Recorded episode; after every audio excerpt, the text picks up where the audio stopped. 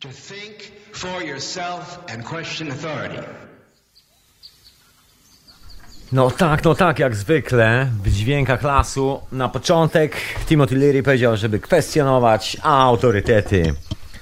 Witam cię człowieku serdecznie tutaj w Radio na Fali w hiperprzestrzeni. Jak zwykle troszeczkę dźwięku tutaj dookoła, podokręcam sobie mikrofony, poprawię sobie latający statyw. Oprócz tego pozdrawiam serdecznie wielce słuchaczy słuchających też hiperprzestrzeni poza radiem na fali. W Radiu Paranormalium, które transmituje hiperprzestrzeń oraz y, w Radiu Dreamtime. Pozdrawiam pana Ibeliosa i pana Grzegorza serdecznie. Peace and love, gentlemani. No i w ogóle wszystkich, którzy tutaj są obecni. Ciebie przede wszystkim pozdrawiam, słuchaczy i słuchaczko. Pozdrawiam przede wszystkim mecenasów Radia na Fali, którzy się dorzucają swoim skromnym groszem do wspierania tego, żeby to było na serwery i żeby przynajmniej archiwum działało. Te, które jest. Anyway, żeby w ogóle radio było. Także dzięki za wsparcie. Zawsze jest na jakąś drobną kawkę. I jakoś tak. Yy, czasami nawet na mleko do tej kawki. Ekstra. Dzięki wielkie. No i co dzisiaj w hiperprzestrzeni? Co, co w ogóle dzisiaj? Bo ja dzisiaj taki jestem, nie chciałem, yy, znaczy tematów jak zwykle jest miliony i rzeczy, o których chciałem powiedzieć.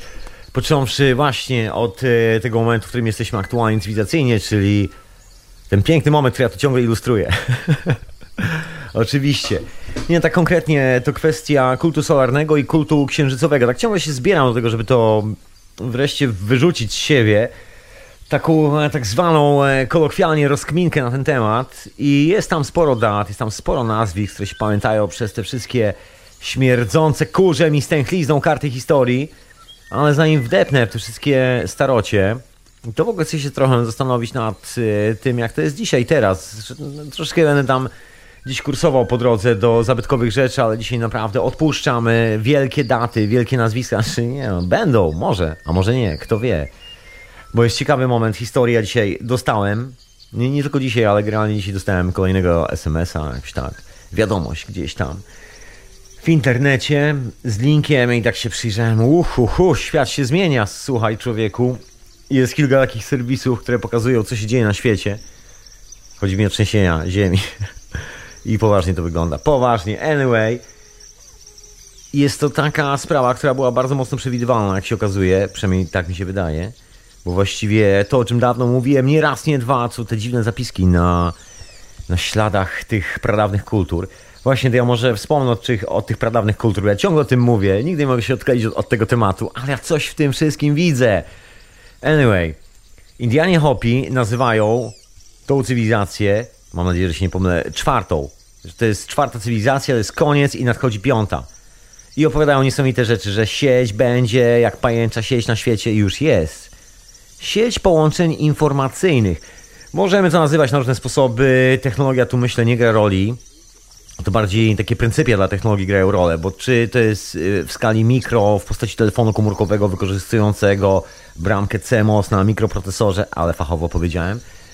Chodzi o taki detal, duperel związany z mikroprocesorami. Każdy siedzący w temacie doskonale wie, że bez tego czegoś żaden komputer by nie ruszył, bo ta bramka logiczna, to małe coś, mostek i takie tam mostek nad dwoma półprzewodnikami, właściwie mostek z półprzewodników, można powiedzieć, pomiędzy dwoma przewodnikami, właściwie też pół, półprzewodnikami. Każdy przewodzi pół, na końcu jest całość i jest 0,1. Informacja sobie może iść dalej. No ale tak czy siak chodzi zwyczajnie o informacje, bo to, że się zawiesimy na tym, w jaki sposób jest ona przesyłana, to troszkę taki syndrom Majsterkowicza, który zapomniał po co właściwie wchodzi do tej szopy, którą ma tam w ogrodzie i pewnego dnia sobie uświadomił, że właściwie przez całe życie myślał, że on tam wchodzi coś zrobić. A tu doniczkę, znaczy nie tyle doniczkę, chyba że garncarz, ale podstawkę pod doniczkę, coś tam naprawić, jakąś deskę poskrobać. Tak chodził, chodził, chodził, chodził. Skrobał te deski, wbijał te gwoździe, wkręcał te śrubki, coś tam naprawił, coś nie naprawił, coś zrobił, coś zostawił. A na koniec końców zrozumiał, że właściwie on tam nic za się nie przyszedł zrobić, on tylko tam jest i robi coś. Znaczy nieważne co, ważne, że robi. Ważne, że jest nowa wiertarka, jest nowe wiertło. Ja też mam troszkę takiego syndromu. Tato Majsterkowicz mi też troszkę zostało z tego. Ja nawet zostałem rzemieślnikiem w życiu. Właściwie dalej jestem, mam nawet na to papier, żeby było zabawniej. Tak już się wydarzyło. Anyway. I jest taka historia, która zawsze różni od, moim zdaniem, takich niedzielnych turystów. Czasami się używa słowa amator. Ja lubię słowo niedzielny turysta. Od e, od człowieka, który definitywnie wsiąkł w jakąś koncepcję i definitywnie postanowił zmierzyć się z konkretnym tematem. Chciałem użyć po raz kolejny słowa definitywnie. Ach, taki definitywny się może będę. Zobaczymy. Koniec końców, wracając do tego naszego majsterkowicza, którym możemy być każdy z nas osobna, i ty i ja. Może być tak, że pewnego dnia skumamy, że więcej energii poświęciliśmy na sprawdzanie tego, czy mamy wszystkie papiery ścierne, których potrzebujemy, czy mamy wszystkie pilniki, wszystkie wkrętarki, wszystkie śruby, gwoździe, narzędzia i inne rzeczy. I właściwie skończy się na tym, ja widziałem nieraz na własne oczy i widuję czasami piękną kolekcję narzędzi. Człowieku, zdziwiłbyś się, jaka kolekcja narzędzi. Taka kolekcja, że firmy, komercyjne firmy, które wykonują usługi opierające się na używaniu właśnie takich narzędzi, no piałyby zazdrości, piją często zazdrości e, na widok takiego, można powiedzieć, domowego warsztaciku, który jest tak profesjonalny, że jest bardziej profesjonalny niż profesjonalne firmy w profesjonalnym świecie. Otóż to i dżentelmeni, którzy właściwie to posiadają na własność, no nic specjalnego z tego nie robią, poza tym, że czasami no jakaś postawka, tak jak mówię, pod kwiatek, która niekoniecznie jest nawet specjalnie ładna, po prostu jest ociosana tymi narzędziami, cała frajda, o czym wielu majsterkowiczów wie, ja też wiem, bo też taki syndrom sobie posiadam, ma frajdę z używania tych narzędzi, nie, że coś tam się kręci, wierci, robi, jest fajnie. To jest moim zdaniem, jak zwykle, tutaj się odwołam do tego mojego syndromu, że każdy z nas, tak samo jak sztuka, kultura, nauka, portretuje zdecydowanie zawsze samego siebie i nic innego więcej. I tak się portretuje nawzajem, portretuje, portretuje, portretuje. No i, i, i co? I zawsze, cokolwiek byśmy nie zrobili, jest to portret naszej szalonej cywilizacji. I ja myślę, że w takim składaniu garażowym, składaniu garażowym, no ciężko nazwać to garażowym składaniem. Bardziej jest to kwestia jarania się narzędziami, bo de facto do, do tego się to sprowadza opanowaliśmy się, opanowaliśmy do mistrzostwa, tą sztukę, jarania się narzędziami i jako cywilizacja i w ogóle jako osoby. Bo to nie jest tylko tak, że chłopaki się rają narzędziami. Rozumiesz? Czasami ja jestem w związkach i wiem o tym doskonale, że dziewczyny potrafią się też jarać kolorem lakieru do paznokci. Widziałem to nieraz na własne oczy. I to wcale nie znaczy, że jest to osoba mało inteligentna albo coś w tym stylu. Nic z tych rzeczy jest zawsze taki e, syndrom, ja nazywam gadżeciarstwa. Jest zbieractwa w życiu, który nas osacza czasami. I czy to jest narzędzie w warsztacie, czy to jest... A, chciałem powiedzieć I don't know, ale właśnie wiem, czy to jest nowy lakier do paznokci, nowe, nowe coś, nowy telewizor na ścianie, nowe urządzenie w kuchni, nowy kubek, nowa szklanka. Nie dlatego, że się stara zbiła, tylko dlatego, że jest fajna. No wszystkie te nowe rzeczy, wszystkie te gadżety, one przecież nie pojawiają się w naszym życiu tylko dlatego, że... Znaczy, oczywiście są tacy zbieracze, którzy robią tylko dlatego, żeby mieć. Pytanie jest, e, dlaczego to robimy? Dlaczego zbieramy? Z reguły odpowiedź jest bardzo prosta. No, bo potrzebuję szklanki, bo potrzebuję wywiercić coś tam, dlatego wziąłem najlepszą wiertarkę, jaką mam. No, bo paznokcie muszą wyglądać, dlatego mam lakier taki, jaki mam. Bo coś tam, bo coś tam. Te bo to jest coś, co popularnie nazywa się celem. Search and destroy. Jak mówiła e, komenda pilotów wojskowych, czyli znajdź i zniszcz. Jak się okazuje, chyba jedynie w wojsku przetrwał w najbardziej chyba takim patologicznym tego słowa znaczeniu ten opis sensu, logiki naszych działań. Search and destroy. Ale my akurat nie w tą stronę. Chodzi mi o działanie, że Właściwie wsiadasz do tego samolotu, tak jak pilot wojskowy, po to, żeby dolecieć, znaleźć i zniszczyć. W naszym przypadku jest e, troszkę tak, że cywilizacyjnie zawieźliśmy się na momencie, że wsiedliśmy do samolotu i tak lecimy tym samolotem i oglądamy wskaźniki. Wow, jaki fajny, a ten obok, zobacz, się kręci do góry nogami, ale jazda. I tak to wygląda. Właściwie samolot może teraz pikować mocno w dół. My nawet nie jesteśmy tego świadomi, nawet nie wiemy jak za bardzo wyskoczyć z tego samolotu jesteśmy zafascynowani tą deską rozdzielczą i tymi wszystkimi kolorowymi światełkami. Ja pewnie bym zwariował ze szczęścia, gdybym wylądował w takim zaawansowanym samolocie odrzutowym, w którym jest milion światełek i przycisków. Oczywiście ponaciskałbym wszystkie, a najchętniej to nacisnąłbym taki duży przycisk z napisem nie naciskaj. Moja ulubiona zabawa oczywiście. Anyway, wracając do sensu naszej cywilizacji, dzisiaj chcę się skupić na tym naszym garzyciarstwie, bo jest to piękna ilustracja, która pokazuje w tym momencie czasami lądujemy. Właściwie wylądowaliśmy jeszcze jako cywilizacja. Właściwie nie jeszcze. No Jeszcze niektórzy siebie nazywają cywilizacją. Ja bym tak troszkę nie przesadzał z tym samym cywilizacja. Indianie Hopi powiedzieli, że czwarty świat, bo właściwie tam nie ma opisu cywilizacji, jest opis na światy i że, że żyjemy, że skończył się, kończył się czwarty świat, czy już się skończył. Patrząc na świat w gazetach, kiedy widzę, kto jest nominowany do nagrody największego rzeźnika świata, czyli prezydenta jakiegoś dużego mocarstwa, i widzę postacie, które przypominają mi do żywego takie charaktery typu myszka Miki. W ogóle, tak mówiąc szczerze, uważam, że największym sukcesem mieszkańców kraju Zjednoczone Stany Ameryki Południowej jest jedna rzecz, że do tej pory nie udało im się wybrać na prezydenta myszki Miki. To jest ich największy sukces życiowy, moim zdaniem. To jeszcze świadczy o tym, że jest pewna nadzieja, że nie jest tak źle. Chociaż to też niedługo może się zmienić. Chociaż nie wiem, czy mają, mają aż tyle czasu, żeby wykonać taką dużą transformację intelektualną. Chociaż właśnie w przypadku Ameryki, o ile zawsze wydawało mi się dobrym dowcipem, to teraz wygląda na to, że mój dowcip zaczyna nabierać takich realnych kształtów i być może, jeżeli ten kraj w jakichś e, dziwnych marzeniach dotrwa nie wiadomo gdzie, do momentu, gdzie będzie opcja na kolejnego prezydenta, to wygląda na to, że albo będzie Goofy, albo Myszka Miki i wybory będą przeprowadzane, nie wiem czy będą przeprowadzane, to będą takie pojedynki na kreskówki w telewizji. Myślę, że Struś pędzi wiatr dołączy do republikanów. albo tak, Miss Yogi do demokratów i będzie głosowanie na postaci z kreskówek, bo właściwie postaci z kreskówek już w tym momencie chyba więcej znaczą w świecie gadżetów, a jest to bardzo gadżeciarski świat, bardzo gadżeciarski. Chociaż nie byłem w Ameryce, także nie wiem. Wszystko co wiem, wiem z pierwszej ręki albo drugiej ręki, bo mieszkam w Londynie i jest tu dużo ludzi, którzy w Ameryce bywają, mieszkają jedną nogą i mieszkają też tutaj.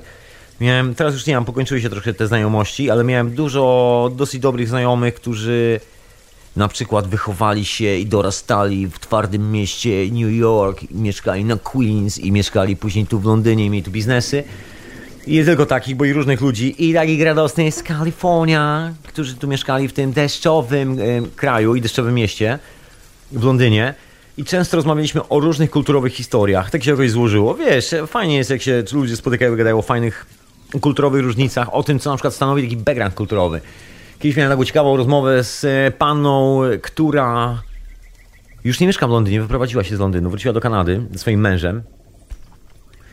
Taka historia trochę jak z bajki, wiesz, dziewczyna przyjechała do Londynu, poznała księcia z bajki i wróciła, wróciła do siebie, tam gdzie rodzina, tam gdzie biegają niedźwiedzie gryzli z tym księciem z bajki i sobie radośnie mieszkają, wychowują dzieci czy jakoś tak. Taka historia. Tam jest oczywiście troszkę mniej bajkowo w rzeczywistości, ale w sumie nie aż tak bardzo mniej bajkowo. Także widzisz, e, fajne rzeczy się dzieją u niektórych ludzi w życiu. Kwestia nastawienia. Anyway, mieliśmy takie rozmowy na temat, jak wygląda pewna różnica kulturowa, w ogóle opowiadania sobie o tym, że ruszasz w drogę, że jest w twoim życiu ten element, który aborygeni nazywają dream time, wstajesz i ruszasz gdzieś w drogę, taki wiesz. Kamyk do naszego ogródka, ogródka podróżników i tych w głowie, i tych w nogach każdego podróżnika, bo to nie ma żadnej różnicy. Kto podróżuje w głowie, ten podróżuje w nogach, kto podróżuje w nogach, czasami też podróżuje też w głowie. I nasza refleksja dotyczyła tego, z czym jest związana taka podróż, taka, takie wybranie się gdzieś tam, taki zryw młodzieńczy. I usłyszałem taką ciekawą opowieść o tym, że w jej stronach taki młodzieńczy zryw to jest wzięcie pierwszej fury, którą się dostało od e, starych, że tak kolokwialnie powiem. Cześć tata, cześć mama. Dokładnie. Wzięcie fury, wywalenie się z przyjaciółmi, albo jeżeli masz kogoś tam na boku, jeżeli masz dziewczynę, albo masz chłopaka, to bierzesz, bierzesz swoją drugą połowę. W wieku nastoletnim walisz nogi na deskę rozdzielczą, no chyba, że ktoś prowadzi, chyba, że prowadzisz, właściwie wtedy masz ręce na desce rozdzielczej, bo tam raczej jest Mr. Pol, Mr. Officer, który się pyta ciebie, dlaczego nie masz rąk na desce rozdzielczej i może do, do, ciebie zacząć strzelać. Także tam się ręce trzyma na kierownicy. O, tak, to chciałem powiedzieć. Każdym razie numer polega na tym, że kiedy chcesz się zerwać, kiedy masz już wszystkiego dość, nadchodzi ten moment poczucia tej wolności, to jest to obarczone takim zestawem gadżetów. Na przykład e, klasyczny numer to jest to, że buchasz fajki swojej starszej. Jeżeli oczywiście pali. Ja miałem ten numer w dzieciństwie też nie raz, nie dwa. Takie lepsze fajki, buchnąć starszej. No i nie, akurat nie miałem samochodu starszych, nie miałem takich luksusowych form. W PRL-u, gdzie dorastałem, takiej opcji raczej nie miałem. Ale grali, można było mieć samochód, to też nie było aż, aż tak, takim wielkim dramatem.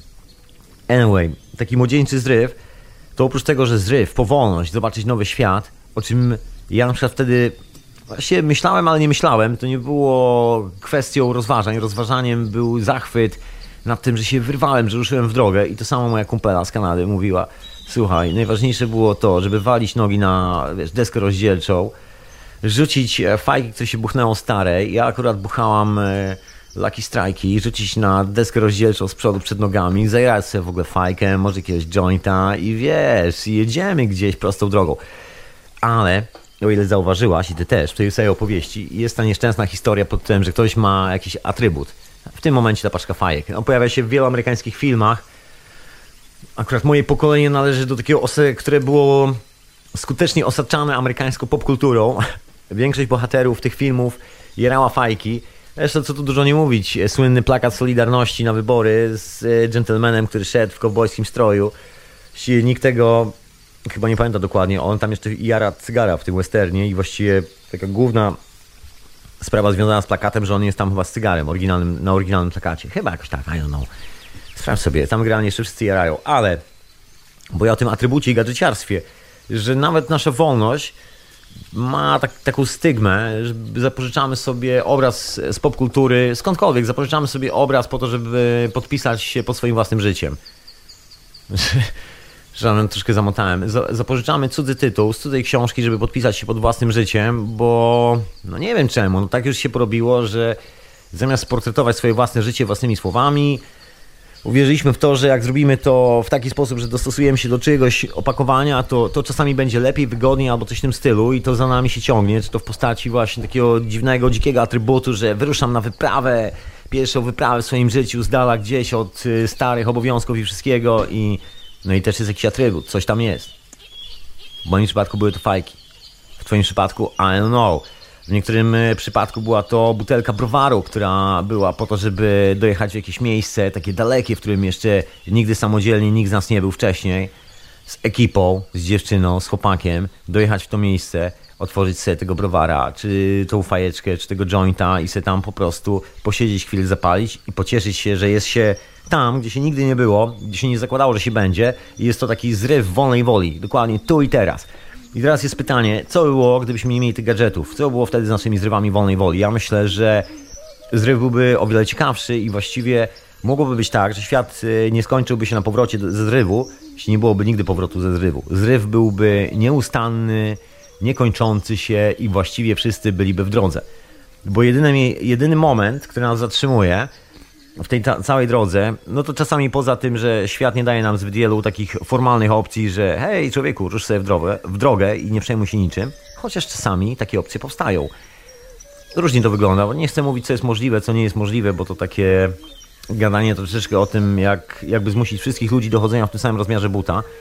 Coś dla jednego jest możliwe, dla drugiego już troszeczkę gorzej osiągalne i każdy z nas ma swoje własne życie i swoje własne sprawy, które tam realizuje, które chce zrobić i wiadomo, że jak chcemy co zrobić, coś zrobić, to i tak to zrobimy, to nic nas nie zatrzyma, także też w dużej mierze kwestia to, co robimy w swoim własnym życiu, przynajmniej w moim e, tego słowa rozumieniu, zależy w 100% od naszego widzimisię. Albo mi się chce i coś robię, albo mi się nie chce i tego nie robię. Mogę udawać, że to robię, ale jasna sprawa, że jest to udawanie. Można się oszukiwać oczywiście i tak dalej, i tak dalej, ale po co? W każdym razie, wracając do tych nawyków, które mamy z tej cywilizacji, to cały ten portret, to przypomina mi się właśnie ta historia z tym gentlemanem e, w tej shopie, który ma te piękne narzędzia, że nawet ten nasz zryw e, powolność potrafi być czasami skręcony, nie wiem, do paczki fajek, którą gdzieś tam pokątnie, bo w domu jeszcze nie można palić za młodzi albo coś. Chodzi o ten atrybut wolności, wiesz, że na, wybierasz się na wyprawę, na której robisz coś, na której normalnie nie robisz czegoś, bo życie na przykład z rodziną dookoła wymusza pewne konwenanse i chcesz zrezygnować z pewnych konwenansów. I po to jest ta wyprawa, żeby znaleźć siebie w innej perspektywie, w momencie, gdzie przełamujesz tą barierę. Barierę doświadczenia swojego świata, barierę wszystkich ograniczeń wynikających z poznania swojej rzeczywistości. Nowy świat, słuchaj, wiesz. Nowa droga. Jestem miłośnikiem Marka Twaina. Tak jakoś chyba przez całe życie się okazuje. Do tej pory mi nie przeszło. Chociaż o wiele mniej Marka Twaina teraz czytam. Mówiąc szczerze, zaglądałem po raz ostatni chyba dwa lata temu do jego książki. polskiego tłumaczenia, zdaje się. Także nie jest tak, że czytam codziennie, budzę się z Markiem, z Markiem Twainem pod poduszką. Nie jest aż tak, ale lubię sobie do niego czasami wrócić, do niektórych opowieści i niektórych historii przede wszystkim z Marka Twaina i w ogóle do, do pewnej logiki działania bohaterów z Marka Twaina. To jeszcze były czasy Dzikiego Zachodu, pełnego szaleństwa, gorączki złota, wielu innych dziwnych spraw na świecie, ale jedna rzecz była pewna – ludzie robili coś po to, żeby zrobić. I w tych opowieściach Marka Twaina często pojawiają się właśnie takie przezabawne historie o ludziach, którzy robią coś i popadają no, troszkę w niewolę tego, co robią i właściwie nie doprowadza ich to nigdzie. To są te słynne opowieści o szukaniu złota, o tej gorączce złota. Ja tu nie będę spalał tematów i opowiadał, o czym są te opowiadania, o czym są te książki. Weź sobie tą książkę do ręki, sobie w wolnej chwili, teraz zima nadchodzi, jak nie będzie trzęsło pod nogami, będzie jeszcze kawałek światełka, będziesz miał chwilę czasu, to sobie człowieku poczytaj fajną książkę. Polecam serdecznie. W każdym razie, o czym, o czym ja tutaj mówię? O tym, że dawniej ta informacja, że zbierasz jakieś narzędzia, robisz coś, poza oczywiście dworami królewskimi, była związana z tym, że koniec końców załatwiasz jakąś sprawę. Że nie jest to po to, żeby tylko i wyłącznie mieć. Ja tu kiedyś opowiadałem namiętnie tą starą historię, której nie wszyscy są, że tak powiem, miłośnikami, albo może w inny sposób. Nie wszyscy chcą ją zrozumieć w poprawny sposób, albo nie wszyscy to łapią.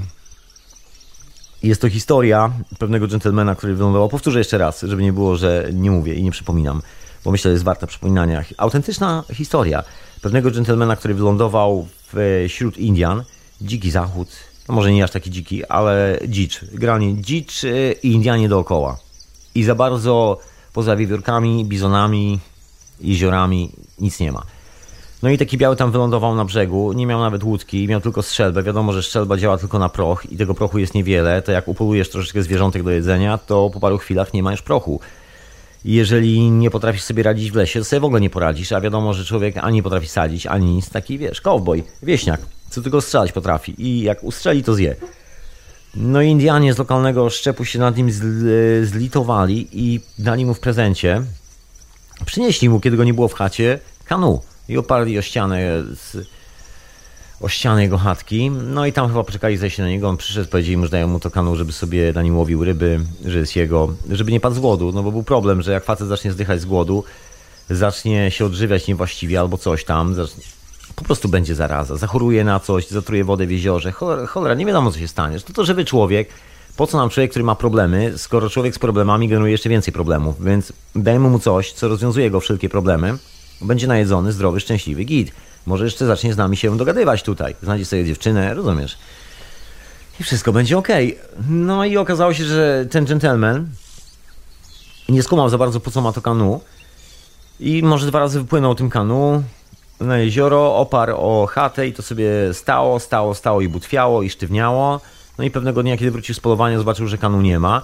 I zdziwiony, taki wkurzony, że oczywiście ktoś mu buchnął to kanu, bo to było jego kanu. Jak to możliwe, że jakiś ham, spał, buc, nieprzeciętny, przychodzi w środku lasu, w środku dżungli, gdzie on sobie mieszka w spokoju i kradnie mu jego pieprzone kanu. Okazało się, że to Indianie wzięli z powrotem co go bardzo zdziwiło. Kiedyś pytał, dlaczego zabraliście moje kanu? Tak się spojrzeli na niego, człowieku, daliśmy ci to kanu, żebyś go używał, a ty wziąłeś to kanu, oparło się o ścianę, kanu niszczeje, za, za miesiąc czasu albo za dwa będzie kompletnie nie, nie do używania. Czy ty myślisz, że my po to zabijamy te zwierzę, po to robimy tą skórę, żeby zrobić to kanu, po to robimy masę cholernej roboty, skomplikowanej, żeby zbudować świetną, niezniszczalną łódkę, która doskonale się sprawuje na jeziorze, żebyś ty wziął, roztrzaskał tą łódkę tylko dlatego, że ci się podoba jako fajna dekoracja, która stoi oparta o ścianę. Jeżeli nie używasz, to my to zabieramy i tą łódkę używa ktoś, kto tego potrzebuje. I to była piękna logika. Taka logika też istniała jakiś czas temu na świecie. W dzisiejszych czasach z tą logiką jest troszeczkę inaczej. Ona wzięła się, podejrzewam, z dworów królewskich, które no, zbierały nagminnie złoto i inne kosztowności, chociażby po to, żeby opłacić armię. W pewnym momencie armie zaczęły być e, no, jakby osobnymi instytucjami. I ten nadmiar zbieractwa, no bo jak opłacić armię jest tyle pieniędzy, żeby opłacić armię, to może coś sobie zatrzymam, to ja sobie jakiś skarbiec wybuduję. Się okazało, że wielcy i możni tego świata zaczęli gromadzić wszystkie te kanu tego świata, ich mieszkańcy zaczęli zdychać z głodu, albo jakoś tak. Porobiło się troszeczkę rewolucji na świecie.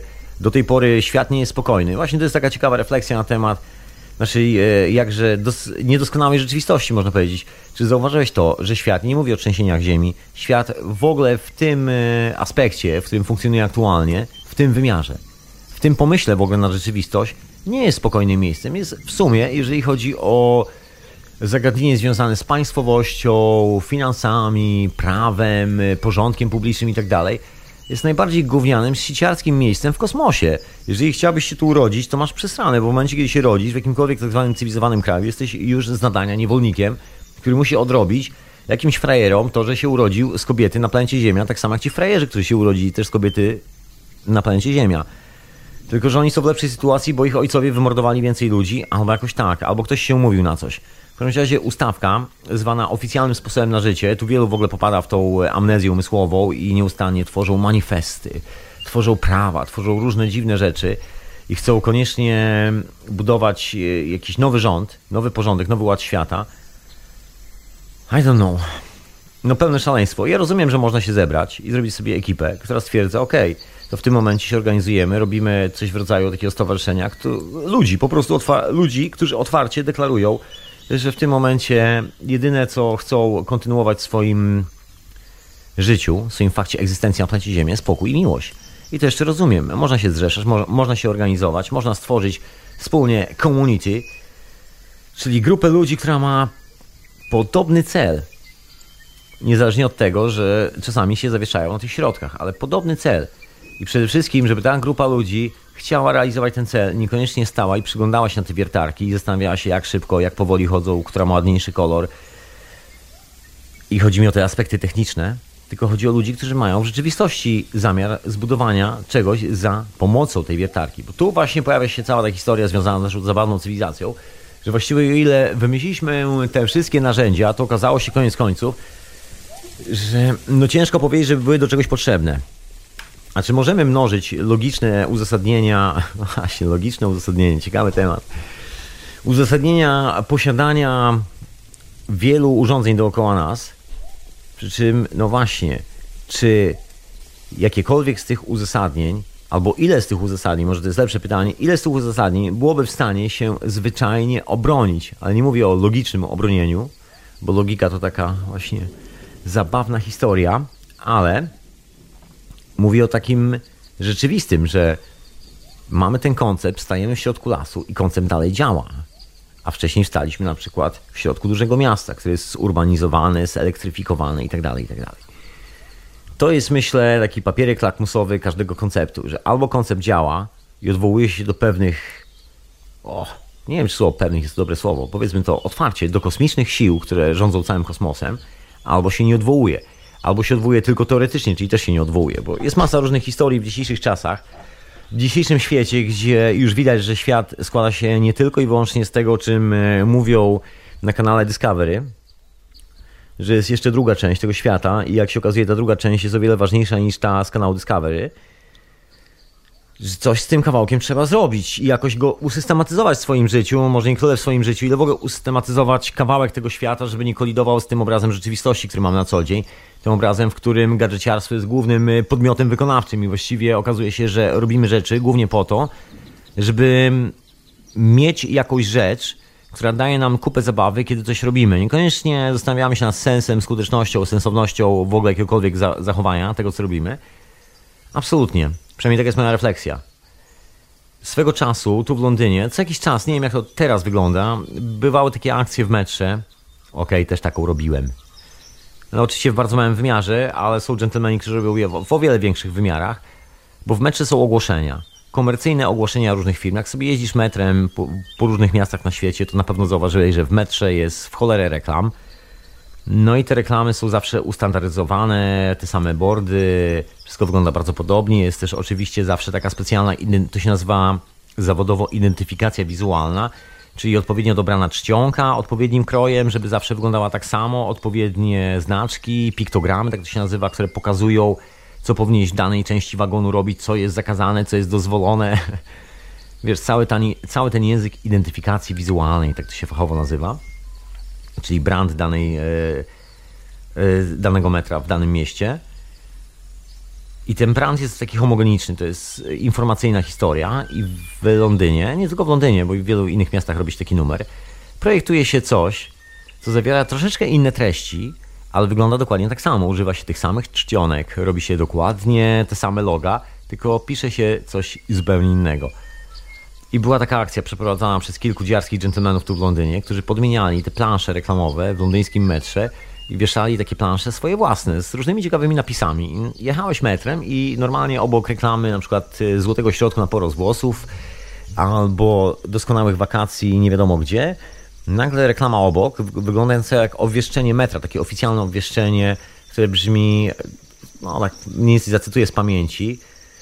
I jak się czujesz, kiedy wracasz, e, jak się czujesz, kiedy wracasz, wracasz ze swojej kompletnie nieużytecznej i nikomu nieprzydatnej do niczego pracy, która powoduje, że połowa świata właściwie teraz żyje w nędzy. Coś w tym stoi tak pięknie opisane w trzech zdaniach. Jak się teraz czujesz?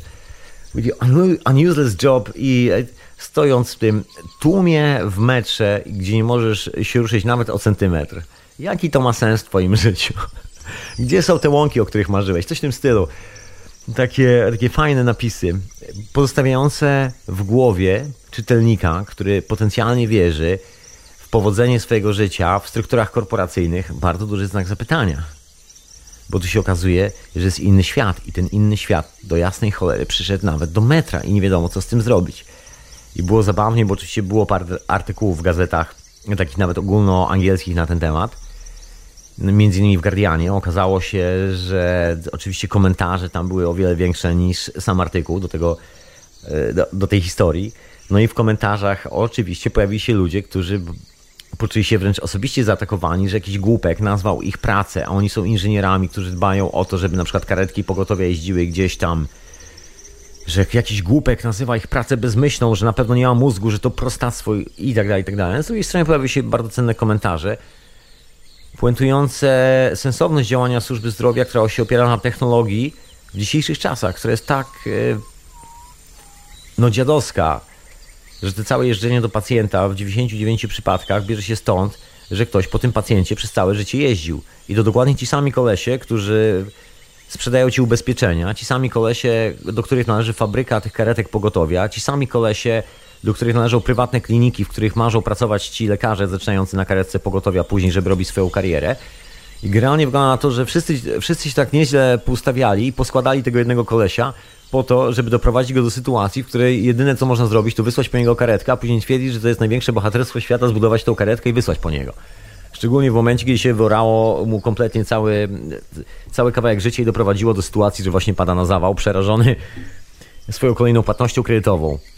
Za dom, który miał, ma, miał mu dać szczęście, rozumiesz, i poczucie bezpieczeństwa. To jest najlepszy numer w tym wszystkim. Taka ironia losu, proszę ja, koleżanki, kolegi współczesnego świata, bardzo duża ironia losu.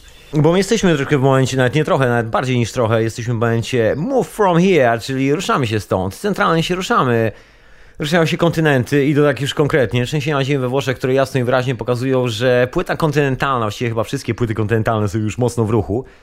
Kalifornia właściwie zaraz odpłynie i się zapadnie. No, takie rzeczy. I jak zwykle w takiej sytuacji widać paniczne ruchy na horyzoncie, bo część z nas, część z nas o tym wie. Nie tylko ja, taki tutaj gentleman na południu Londynu, nie tylko ja o tym wiem od paru lat, co się dzieje.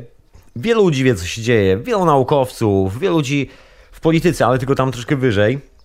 Podejrzewam, że lokalnych przydupasów, takich, którzy żyją z prowizji handlu bronią i ropą naftową, żeby, żeby po prostu, żeby kontrolować zasoby, no takich cwaniaczków to akurat tam nikt za bardzo nie informuje, bo takie cwaniaczki to są takie na jedno machnięcie i tyle.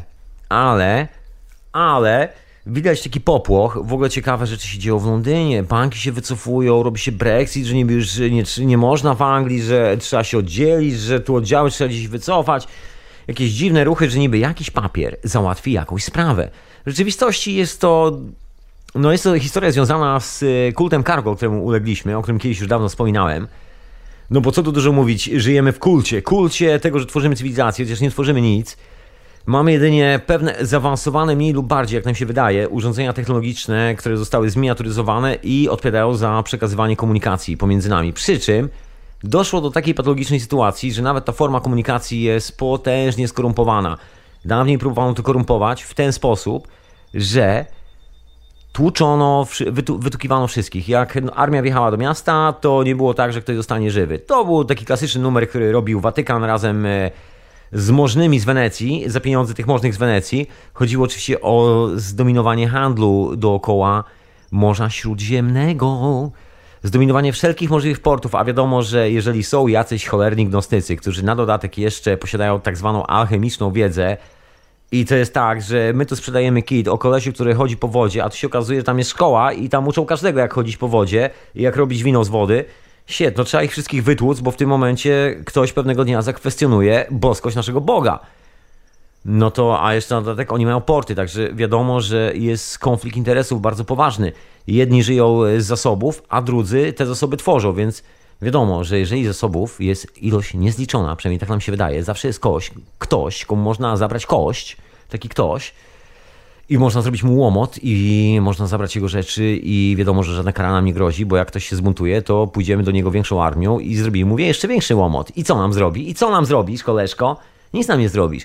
Tak myśleli Amerykanie do momentu, dopóki nie okazało się, że za, za każdym razem, kiedy podpływają z tymi największymi lotniskowcami w okolice Związku Radzieckiego, coś w dziwny sposób wyłącza ich wszystkie systemy i największe imperium świata, jak dawniej mówiono, sprzedawano taki kit, że Ameryka jest największym imperium militarnym na świecie, się okazało, że w obliczu Iranu, w obliczu Rosji, w obliczu kraju o nazwie Ghana, poważnie, się nie dysponują żadną technologią, poza jednym wielkim, jak się elegancko po angielsku mówi, po amerykańsku nawet jeszcze, poza jednym wielkim scientific bullshit and uh, we know how to make more smoke. We know how to make more bullshit with more smoke. Czyli wiemy, jak zrobić jeszcze więcej dymu, jeszcze więcej gówna i jeszcze więcej dymu z tego gówna. I tylko tyle wiedzą Amerykanie, jak się okazuje.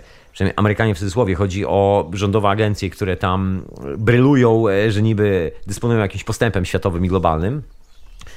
No jak się okazuje, chyba tam najwięcej i najmocniej naukowcy zapatrzyli się właśnie w te wiertarki. Że tak na, będę nawiązywał ciągle do tego mojego garażowego syndromu.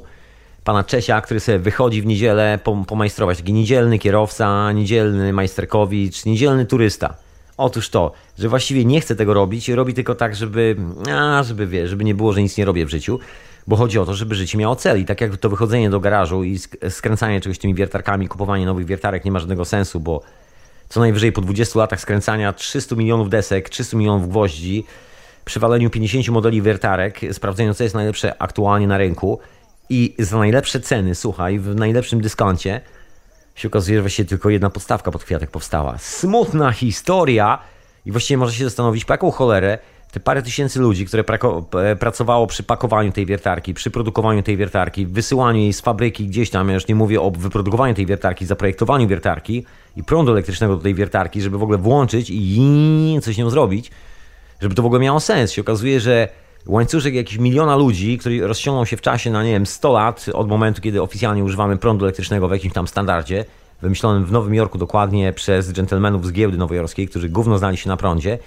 i wymyślili pod, e, dzięki namowom Edisona, że najlepszy będzie taki prąd, jaki proponuje Edison, bo wszystkie inne warianty powodują, że ludzie mogą go mieć za darmo. Był problem z telegrafem, bo jak wybudowano telegraf, to się okazało, że telegraf nie używa żadnego prądu. Nie wszyscy o tym do dzisiaj wiedzą, wszyscy, my, znaczy nie wszyscy, część, znamienita część, jak myśli, myśli, że telegraf, to myśli, a bateryjka, taki pierwszy telefon komórkowy. Nie, co ty człowieku, telegraf był pierwszym urządzeniem, które pracowało na prąd z ziemi. Nigdy nie miało własnych baterii, nigdy nie miało własnego zasilania. Telegraf zasilany jest kablem, który jest zakopany w ziemi. Pomiędzy jednym a drugim telegrafem. I zawsze tak działało. Dlatego burze słoneczne były bardzo łatwe do odnotowania w dawnych czasach w takim 1800 którymś roku odnotowanie burzy słonecznej było pikusiem i każdy o niej wiedział, ponieważ jak to się po angielsku mówi, e, też, to jest też taki termin z anglosaskiego języka związany z pierwszymi czasami radia, tak zwany jamming, że sygnał jest jammed, czyli jest skraszowany, zjamowany taki... E, nie wiem jak przetłumaczyć słowo jammed na polski. Zmielony. Zmielony to by troszkę inaczej. No generalnie, generalnie jest taki pomielony, wymemłany i nic nie ma. Jamet, czyli po prostu... Bo, in, e, bo intensywność promieni słonecznych odbija się w drucie elektrycznym, produkuje więcej prądu i nie słychać już tego pik, pik, pik, pik, pik, pik, tylko słychać coś takiego. I koniec rozmowy. I tak działały pierwsze telegrafy, także wiadomo było od samego początku, od kiedy pojawiała się jakakolwiek forma energii, jakakolwiek, ja na razie sięgam tylko do prądu elektrycznego, ale to naprawdę tylko czubek góry lodowej, to już wtedy było wiadomo, że wszystko jest za darmo i że nie ma tutaj żadnej lipy, wystarczy zakopać kabel w ziemi i każdy, kto chce sobie zakopać kabel w ziemi ma prąd za darmo. I wszyscy ci kolesie, którzy się pojawiali przez jakieś 100 lat, jak nie dłużej, do dzisiejszych czasów, byli przez oficjalną naukę i oficjalną cywilizację, czyli każdego z nas, bo to siedzi w każdym z nas, negowani, stawiani do kąta i obarczani mianem idioty, szaleńca, wariata, fantasty itd. Tak Oczywiście dalej e, spaliśmy ropę, jak gdyby nigdy nic. Dalej modliliśmy się do, do tej zabawy, że wyprodukujemy sobie zminiaturyzowaną wersję gadżetu, który właściwie jest nam na cholerę potrzebny. 100 lat temu były bardziej praktyczne rzeczy produkowane niż teraz i działają do dzisiaj. Gdyby nie one, to być może ciężko by było z tym dzisiejszym światem nie byłoby opcji na istnienie współczesnych modeli, które robią jedno wielkie nic i dużo pipczenia, świecenia i nie wiadomo czego. No właśnie, nie byłoby tego nowego systemu, który jest oparty na zminiaturyzowaniu i upakowaniu do takiej bardzo wygodnej formy tych wszystkich rozwiązań, które dawniej były za darmo. Dawniej radio budowało się samemu, łącznie z nadajnikiem, i do 1905 roku, czyli te pierwsze złote lata, e, lata radia, chociaż oficjalnie złotymi latami radia nazywa się coś innego, ten termin oznacza wszystko do powstania telewizji w Stanach Zjednoczonych, czyli gdzieś tak do początku lat 50.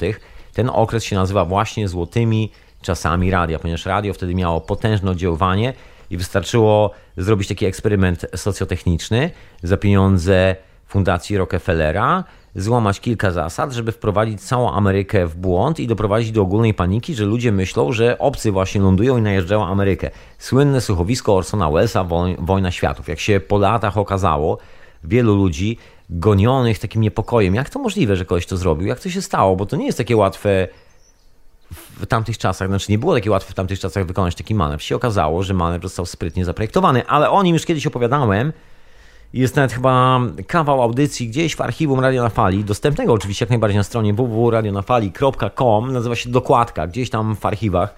Któryś odcinek Dokładki jest poświęcony dokładnie temu, jak było, jak był przeprowadzony ten eksperyment socjotechniczny, bo było kilku naukowców, którzy go przypo, przepraszam, przygotowywali łącznie tu w Anglii, e, sprawdzając to eksperymentalnie i tak dalej, i tak dalej. Także tutaj zostawię ten wątek, wycofam się do archiwum Radia na Fali no ale wrócę do tego, tego fetyszyzmu, który mamy, że jakby cywilizacyjny model, w cudzysłowie cywilizacyjny, to co określiliśmy jako cywilizacją, ustawiło taką bardzo wyraźną barierę, poprzeczkę, że okej okay, stary, chcesz się rozwijać, rozwój jest bardzo prosty. Tu są różne przedmioty i możesz dołączyć do grupy ludzi, która produkuje te przedmioty. Polega to na tym, że bierzemy stare rozwiązania, które działają na świecie od 100 lat, nie są wydajne, są tak naprawdę okan dupy rozbić nie nadają się zupełnie do niczego, ale staramy się zrobić z nich coś, co działa. Mamy przy tym masę strat energii. Właściwie urządzenie jest zasilane tysiącem watów, a wiesz, 99% idzie w powietrze, tylko po to, żeby wzbudzić zjawisko, którego i tak nie kontrolujemy do końca. Nawet tego po 100 latach urządze... pracy z tym urządzeniem nie potrafimy zrobić jako cywilizacja. Co dopiero mówiąc o prądzie elektrycznym i tego, co myślimy o prądzie elektrycznym i o pozostałych zjawiskach, bo właściwie ten prąd, benzyna, wszystko się skądś bierze, prawda? Nie jest tak, że powstaje i jest benzyna. Benzyna ma swoje powody, które powodują, że się manifestuje, ale ten wątek zostawię, już nie będę taki naukowy w sobotni wieczór, bez przesady, jest przecież sobotni wieczór, no właśnie. No i tak wracając do tych naszych attachmentów i do tego kultu, to to jest taki kult. Nam zaproponowano dokładnie taką zabawę, że ok, możesz zostać konstruktorem tego świata. Zasada jest prosta. Wszystko, co budujemy, musi mieć montowany licznik i musi być skonstruowane w ten sposób, że każda próba dotknięcia tego urządzenia kończy się informacją o tym, że musisz za to zapłacić i nie ma tak, że ktokolwiek skorzysta. A wiadomo, że urządzenia, które budujemy, czy chcemy, czy nie, jako cywilizacja, zawsze służą tylko jednemu przekazywaniu informacji. Nawet jeżeli jest to urządzenie, które służy do powlekania paznokci czerwonym lakierem, nawet ten czerwony lakier, cała ta historia ma swój głęboki sens. Mniej lub bardziej głęboki oczywiście. Chodzi o to, że jest konkretny cel, dla którego jakaś kobieta może sobie paznokcie na czerwony kolor i historia, gdyby tak poszperać troszkę dłużej w życiorysie, nagle się okazuje, że za tym stoi cała sprawa i być może właśnie udaje się na randkę, konsekwencją której będzie trzutka dziatwy, która gdzieś tam się pojawi z jakimś dżentelmenem i szczęśliwe życie, albo i nie, albo z jakieś zupełnie inne życie. Kto to wie? Nikt tego nie wie, ale jest ku temu jakiś cel. A w tym momencie nam zaproponowano zabawę pod tytułem OK, nie ma żadnego celu. Jedyny cel, jaki może się pojawić, to musisz zabić swoje własne wyrzuty sumienia, które się pojawią w momencie, kiedy zrozumiesz, że praktycznie cała technologia, która cię osacza, jest technologią ludobójcy. Tak jak do kawy, do jedzenia dodaje się substancji, które są rafinowane z ludzkich płodów i nie jest to żart. Do kawy w Starbucksie to są y, wszystkie te smakowe, takie różne dziwne dodatki. Nagle się okazuje, że z ludzkich e, zarodków się ekstraktuje pewien kawałek molekuły i nagle ta molekuła reaguje z naszym układem e, organiczno-plazmowym, jakkolwiek nie nazwiesz, nami reaguje i powoduje, że na przykład e, pewien smak jest dla nas bardziej pociągający albo mniej. I to się robi z ludzkich płodów, słuchaj. Taki fenomenalny pomysł, który sobie zaserwowała ludzkość. Wyobraź to sobie. Ja sobie nie za bardzo wyobrażam, jak wiewiórki mogłyby na przykład siedzieć i nie wiem, rozpracowywać na kawałki taką jedną ze swoich zdechłych wiewiórek i zastanawiać się w jaki sposób zrobią z tego biznesplan i sprzedadzą pozostałym wiewiórkom. Rozumiem różne historie rytualne, tak zwane rytualne. Rozumiem, że w pewnych sytuacjach pewne działania mają sens. I o ile nie mam problemu z dżentelmenami, którzy żyją sobie w Tybecie i kiedy któryś z nich zejdzie z tego świata, jest ćwiartowany na kawałki, wynoszony, właściwie wynoszone są zwłoki w wysokie góry, ćwiartowane na specjalnym takim obelisku na kawałki i zostawiane na pożarcie ptakom, przyrodzie i naturze. Mają się rozpaść, część jest zachowywana i to wszystko. I to mi się bardzo podoba. Właściwie mówiąc szczerze, jeżeli mam odejść z tego świata, to jest to rodzaj odejścia, jaki sobie wyobrażam. Właściwie nie za bardzo widzi mi się, że był jakikolwiek sens brania z resztki organicznej pomni pakowania do ziemi. Ta resztka organiczna powinna wylądować gdzieś, gdzieś na jakichś skałach, gdzieś, gdzie ktoś, jeżeli jeszcze potrzebuje zjadać jakieś mięso, no to będzie miał jakieś pożywienie z tego. I że ta energia gdzieś e, pójdzie od razu do mam natury, że niekoniecznie będzie gniła pod ziemią. I to jeszcze rozumiem, ale to jest moja własna decyzja, a nie decyzja, że ja tutaj wcinam, kurde, ekstraktowane ludzkie płody. Rozumiesz? Po to, żeby mieć lepszy smak kawy. A ten lepszy smak kawy jest tylko po to, żeby inwestorzy, którzy już zainwestowali w pewną sieć kawiarni, mieli lepszy zysk. Bo się okazuje, że sieci kawiarni jest więcej i już jest trochę tak, że to już nie jest sieć kawiarni prowadzona przez konesera kawy, który jest twoim sąsiadem, uwielbia kawę, zawsze wpadałeś na świetną kawę i facet pewnego dnia stwierdził, a otworzę kafejkę. Będziesz przyjść do mnie do kafejki, będzie więcej ludzi przychodziło, będzie fajnie. I ty chodzisz teraz do kafejki, jest fajnie, to jest twój lokalny ziom, z parafii, który robi lokalną kawę i wszystko idealnie działa. Teraz już nie ma, bo teraz jest grupa inwestorów, która nawet nie pije tej kawy, bo przecież ta jest za tania kawa, oni piją inną kawę. Oni są tylko właścicielami obchodzi ich tylko interes, obchodzi ich tylko zysk. Nie obchodzi ich to, jak się czujesz na tej ulicy, obchodzi tylko wyciągnięcie tej kasy, więc jeżeli można doprowadzić do sytuacji, że przyciągnie się ciebie w jakiś no, sposób uzależniając po prostu od smaku, dać się coś, czego czego ty nie wiesz, a będzie powodowało, że będziesz chętniej patrzył na ten produkt, to robi się to natychmiast. Niezależnie od tego, czy jest to zdrowe, czy jest to niezdrowe, jaki to ma sens, jaki jest sens egzystencji ludzi zasiadających w Radzie Nadzorczej. No bo jaki jest sens człowieka, który ma fabrykę, w której płaci ludziom tak zwaną najniższą pensję, po to, żeby oni w pocie czoła produkowali dla niego przedmioty, które on sprzedaje za najwyższą marżę, jaką tylko może sprzedać, po to, żeby kupić swojej rodzinie najpiękniejsze i najdroższe przedmioty, jakie może znaleźć na świecie, twierdząc, że dzięki temu jego rodzina będzie szczęśliwa.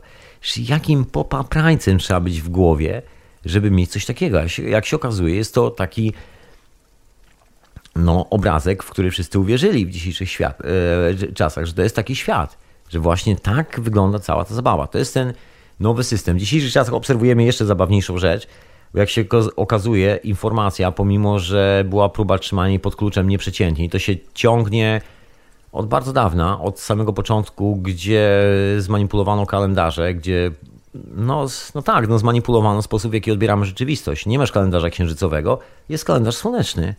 Skąd się wziął kalendarz słoneczny? Co my mamy wspólnego z kalendarzem słonecznym, skoro cała planeta, wszystkie cykle przyrody cały świat, który nazywamy organicznym, czyli wszystko to, co się manifestuje z tej kondycji plazmowej na tej planecie nie tylko w kosmosie, żyje w ogóle w innych cyklach. I to nie jest, przynajmniej ten nasz cykl na planecie nie jest cyklem Słońca, jest, jest cyklem Księżyca. Hmm. To jest nasz sztuczny satelita. Nasz statek kosmiczny, można powiedzieć, część naszego statku kosmicznego. Ciekawa historia. No i co tu zrobić z tym cyklem Księżyca? Bo cykl Księżyca właśnie wrzuca taki ciekawy, ciekawy pomysł do głowy, bo od razu się pojawia pytanie, ok, cykl księżyca. Pytanie, co, co to jest księżyc? No bo jeżeli cykl czegoś, no to cykl czegoś, co powinniśmy znać. Się okazuje, że nie znamy za bardzo księżyca. Ok, były jakieś tam wyprawy na księżyc, było parę zdjęć, które dla wielu są kontrowersyjne, mniej lub bardziej. No nieważne, wiadomo, że byliśmy na księżycu, wiadomo, że ludzie też tam byli, jest lusterko zamocowane na księżycu. Jeżeli masz teleskop, możesz sobie puścić e, laserem światełko do tego lusterka i ono odbite wraca do Ciebie. Dzięki temu możesz sobie zmienić tak zwaną delatację odległości pomiędzy Księżycem a Ziemią. Mając nawet takie domowe obserwatorium, tylko raczej taki dobry teleskop możesz to zrobić poważnie. To nie jest żadna tajemnica. W każdym razie, wracając do naszego wątku, co z tego? I tu wyda, wypada sobie zadać pytanie, że przecież w pewnym momencie, kiedy ta informacja i tak naturalnie stanieje i dostęp do niej będzie bardziej niż dostępny, taki ogólnie dostępny, bo wiadomo, że nawet te najdroższe produkty będą musiały mieć swoją nowszą, droższą wersję, a wiadomo, że stare produkty, które operują na tym, że budują strukturę informacji, typu telefony komórkowe, typu gazety, typu w ogóle jakakolwiek infrastruktura, dzięki której przede wszystkim, bo taki był oryginalny pomysł, będą sprzedawane te masowo produkowane produkty. Bo jak się okazało, armia jest świetnym odbiorcą. Bo tak, po pierwsze, nigdy nie grymasi, zawsze jest ten sam model buta, nigdy nie trzeba zmieniać designu. Fabryka produkuje jeden produkt przez lata i nikt nie ponosi odpowiedzialności, jak się okaże, że wszyscy zdychają na raka, bo zjedli puszki, które są zatrute. Wiadomo, rozkaz był, armia była, umarł za ojczyznę, wszyscy powinni być szczęśliwi. A jak ktoś będzie nieszczęśliwy, to się zrobi dodatkowo pogrzeb z honorami, pomacha się szmatą, w, którą się nazywa flagą narodową zaśpiewa się piosenkę, o której się mówi, że jest hymnem narodowym, powinna jednoczyć wszystkich i zrobi się bohatera i gra nie będzie ok. I nikt nie będzie się zastanawiał, dlaczego tego kosia trafił szlak, co tam było w tym jedzeniu. Ale biznes już został skalkulowany, okazało się, że lepiej sprzedawać te same buty milionom ludzi, niż sprzedawać na przykład grupie tysiąca, tysiącu ludziom inne buty i później produkować inne buty, bo jeszcze ktoś inny na tym zarobi. Ktoś to produkuje lepsze, tańsze albo produkuje dla sąsiadów i sąsiedzi lubią, bo są dopasowane do strefy klimatycznej. Lepiej niż gorzej. No ale ten pomysł znikł, kiedy pojawiło się zapotrzebowanie na duży biznes i okazało się, że armia to jest najlepszy model. No i teraz mamy taki model armii, łącznie z przechodzeniem przez lotniska, że wszyscy przechodzimy jak w armii, znaczy jak w obozach koncentracyjnych na lotnisku. Jak ktoś był na lotnisku ostatnimi laty, doskonale wie o co chodzi.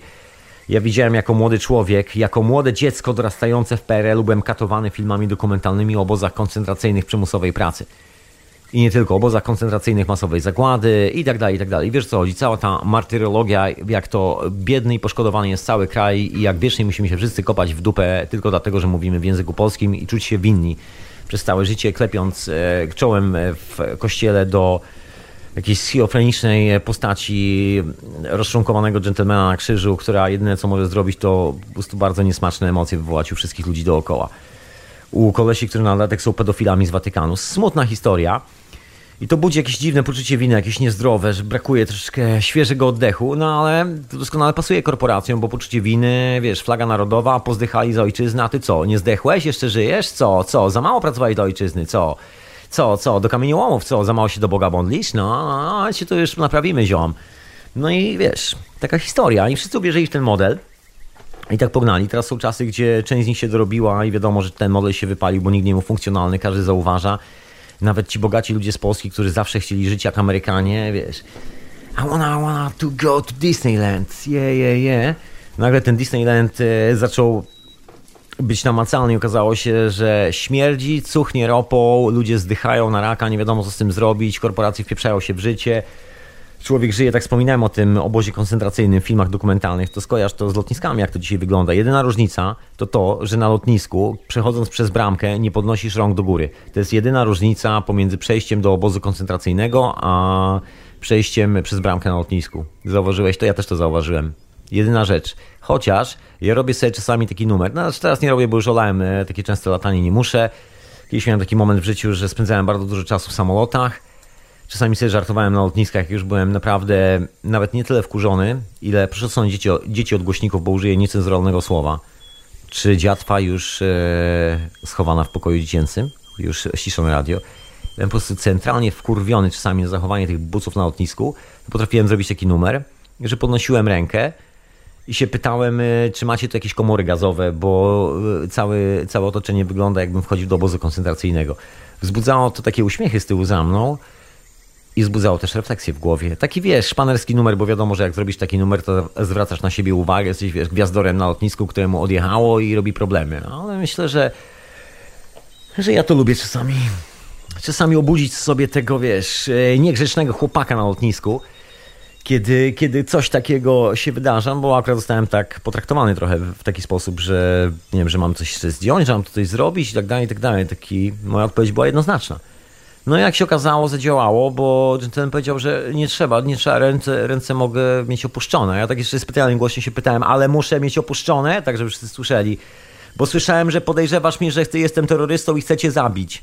A broń widzę tylko u twojego paska, czyli tylko ty masz broń, to ty możesz mnie zabić. A mówisz, że to ja jestem terrorystą i to wszystko po angielsku, ludzie słyszeli dookoła. Także zabawa była na całego, ale wiesz, czasami trzeba zrobić taki numer. Inna sprawa, że nie jestem, nie mam w sobie tego syndromu kundla, tego syndromu skundlenia, żeby, żeby akceptować wszystkie te rzeczy dookoła. I uważam, że mm, taka jest moja prywatna opinia, z tego powodu, że znamienita część z nas y, uległa już takiemu skundleniu, że jak im się napluje w twarz, to wszyscy twierdzą, że deszcz pada. Ja nie mówię o tym, żeby teraz, wiesz, zawinąć ręce w pięść i zabić człowieka, który ci napluł w twarz, bo nie o tym jest mowa, ale wiesz, delikatnie zrobić solidny statement taki, żeby gentleman nie robił się takich numerów, to chyba standard jest w życiu, że jak ktoś cię okrada, i jest cwaniakiem, który później, wiesz, próbuje to sprzedać pod swoim nazwiskiem. Ja tu mam taki klasyczny numer, bo na przykład robię zdjęcia, pracuję z pewną technologią i na przykład wyobraź sobie, docierają do mnie takie newsy, że ktoś gdzieś na Allegro sprzedaje coś, pokazuje zdjęcia, które nie są jego własnością i tak dalej, i tak dalej. Są takie historie, zdarzają się.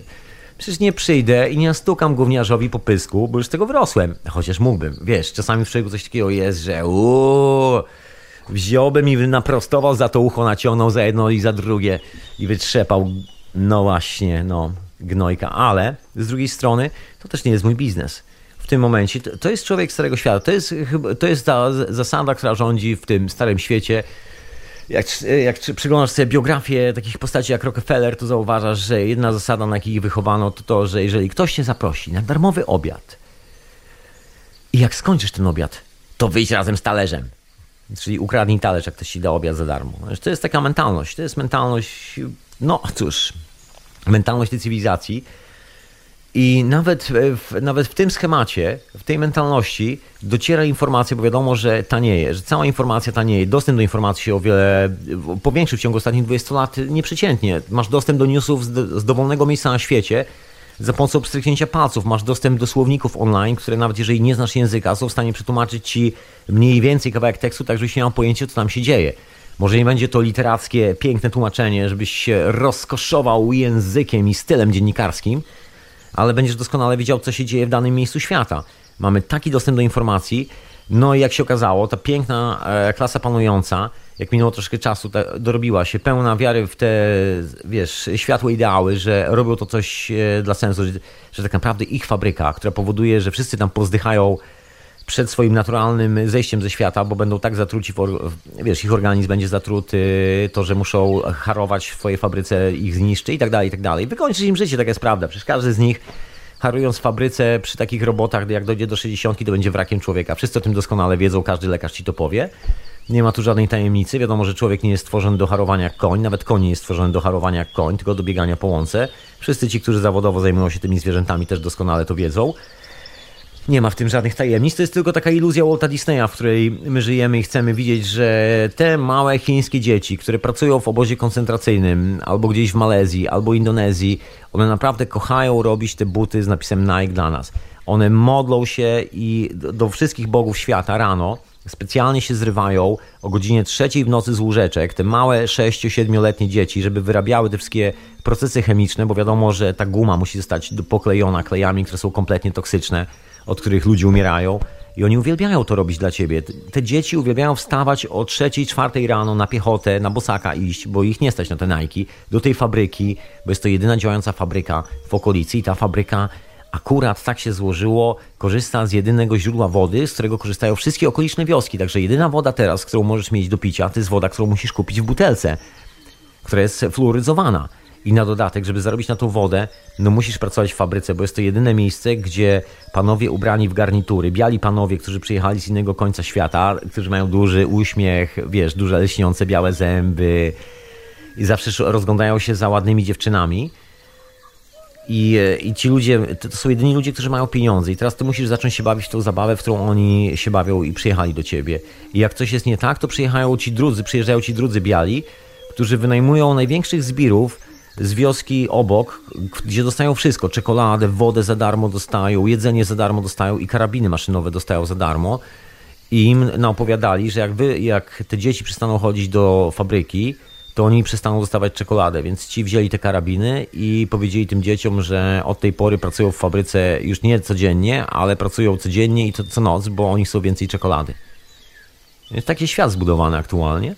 No i numer polega na tym, że część z tych, którzy mają te fabryki, tak liczą na to, że wiesz, ten sukces w biznesie korporacyjnym, czy prywatnym, czy jakimkolwiek zbawi ich świat, to teraz y, pakują ten paszport, jadą sobie na wakacje i niektórzy z nich wychodzą z hotelu All Inclusive. Wychodzą na zewnątrz, w tym pięknym kraju, w tym pięknym raju na ziemi, który oglądali na zdjęciach z folderów, wychodzą i nagle się okazuje, że dookoła jest nędza, rozpacz, złodziejka. Oni mają portfel, są biali, nikt nie ma takiego koloru skóry, wszyscy wyglądają jakby obgryzali korę z drzew i tylko i wyłącznie z tego się utrzymywali. I taki biały z takim aparatem fotograficznym wartym tyle co budżet 300 e, rodzin e, w danym miejscu przez na kolejne 40 lat może czuć się nieswojo troszeczkę. Dobrze nie kojarzy, że część komponentów do wyprodukowania jego matrycy w aparacie cyfrowym właśnie służy dokładnie, znaczy jest wydobywana dokładnie rękami tych ludzi właśnie w tym kraju i dlatego oni wyglądają tak, jak wyglądają. Dlatego nikogo z nich nie będzie nigdy stać na aparat z taką matrycą cyfrową, bo akurat oni są od tego, żeby kopali dziury w ziemi, a nie od tego, żeby robili zdjęcia. Ty jesteś e, tym ładnym, pięknym, cywilizowanym człowiekiem, który ma wziąć to do ręki, zrobić zdjęcia tych biednych ludzi w Afryce, następnie później wygrać konkurs fotograficzny w Europie, pokazując nędzę w Afryce. Najlepszy numer jest taki, że konkurs jest sponsorowany przez na przykład korporację Shell, albo Texaco, albo inną kompanię wydobywczą, która no, która akurat tego dnia zwolniła te biedne dzieci z fabryki i z kopalni, żeby, żeby fotograf mógł zrobić sobie dzie dzieciom zdjęcia, bo normalnie to one o tej porze zapieprzają w tej fabryce pod ziemią. No właśnie, no właśnie. E, to ja może puszczę jakąś muzyczkę, bo, bo tak dzisiaj, wiesz, rozkminiam sobie ten system, dlaczego właśnie jeszcze zanim puszczę muzyczkę, to nie chciałem zostawiać się w jakimś dole, w jakimś permanentnym dole i desperacji. Nie, nie, to nie o to chodzi. Dlaczego o tym ciągle mówię? Bo to jest to takie tak zwane sprytne przedstawianie systemu. Ja się tak przyglądam czasami różnym tak zwanym w cudzysłowie ruchom społecznym dookoła. Widzę jak co po niektórych chcą zakładać nowe państwa, nowe organizacje, nowe, wiesz, coś tam, chcą sprzedawać produkty, chcą organizować wszystkim życie dookoła, ale zawsze zwracam uwagę na taki jeden, jeden element tego wszystkiego, na informacje. Albo, ogólny, albo cała informacja, która za tym stoi, która jest związana z, czy to jest produkt, czy to jest jakakolwiek technologia, czy to jest zachowanie społeczne, czy to jest jaki, jakikolwiek proces, który się dzieje, w którym partycypuję, czy to jest pierwsze podstawowe pytanie, czy ja mam dostęp do pełnej informacji na temat tego procesu, czy nie mam. Idąc na lotnisko, nie mam. Jest jeszcze gorzej, jeszcze powiem jedną rzecz, bo właśnie dla wszystkich miłośników e, technologii cache polecam po podróżach na lotnisku i przechodzeniu, wychodzeniu szczególnie z lotnisk, szczególnie na terenie Europy, no i tylko w Stanach też, szklaneczkę tak zwanej płynnej plazmy CO2. Powód jest banalnie prosty. Jak się wychodzi z lotnisk, jest taki długi korytarz, często on jest taki szeroki na 4-5 metrów, że masz wrażenie, że wychodzisz takim szerokim korytarzem tuż e, prosto do tej hali od, odpraw, gdzie już tam za barierkami czekają na ciebie twoi przyjaciele, rodzina, znajomi machają, ej! I tak dalej, żeby cię przywitać. Tam stoją z reguły takie, takie panele. Przyjrzyj się uważnie. Na większości lotnisk wygląda dokładnie to samo, bo to jest jedna firma, która to robi ta sama z reguły. Są takie po prostu panele. Wygląda to jak takie powstawiane na ostatnią chwilę takie sztuczne ścianki, takie przedziałowe ścianki. Idziesz i masz nienormalne ściany, tylko takie przedziałowe ścianki. Często białe, metalowe, widzisz, że to jest metalowe, pomalowane na biało. Tak, żeby nie wzbudzało Twojej uwagi. Takie po prostu ścianki. Nie jest to normalna ściana, bo widzisz, obok jest normalna ściana, to nie jest normalna ściana. To jest urządzenie. I powiem Ci lepszy numer. Ty jesteś zwyczajnie prześwietlany. Nawet o tym nie wiesz. Tam jest rentgen, który Cię prześwietla. Na wejściu i na wyjściu z lotniska. Tylko nikt, ani Tobie, ani mi o tym nie chce mówić. Bo kiedy by się okazało, że kobiety w ciąży, ludzie z nowotworem i tak dalej nagle przechodzą przez rentgen, a wyobraź sobie, jak słaba musi być to maszyna, skoro u lekarza stajesz w rentgenie i lekarz wychodzi z pomieszczenia, bo się boi, że umrze szybciej od ciebie, lecząc się, oczywiście po drodze, na to, żebyś żył dłużej niż on. to jest największym paradoksem tej historii.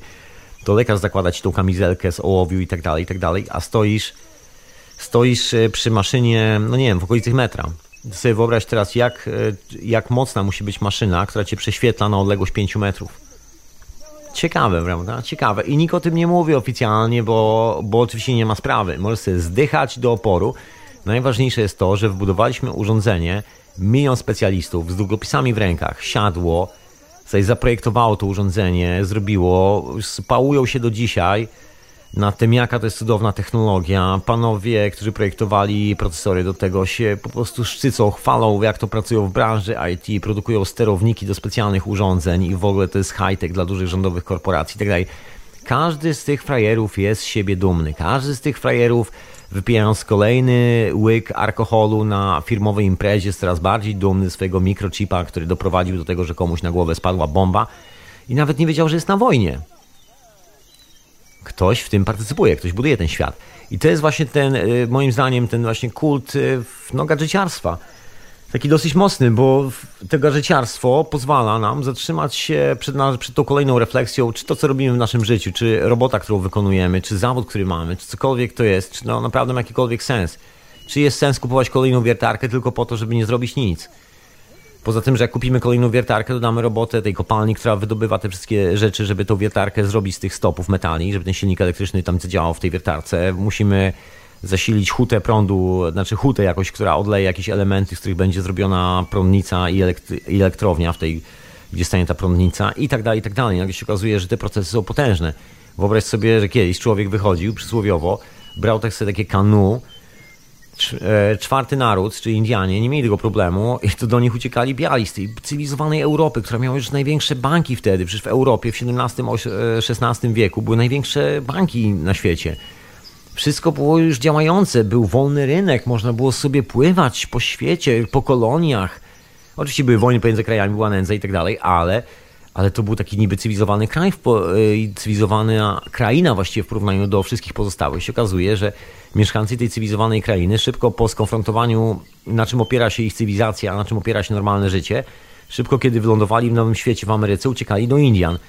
No, o tym już mówiłem nieraz, że jedynym problemem fortów w Ameryce było to, że pustoszały od mieszkańców i że ciężko było utrzymać kogokolwiek w tych fortach, więc starano się mobilizować armię na wszelkie możliwe sposoby, rozdając przede wszystkim za darmo alkohol.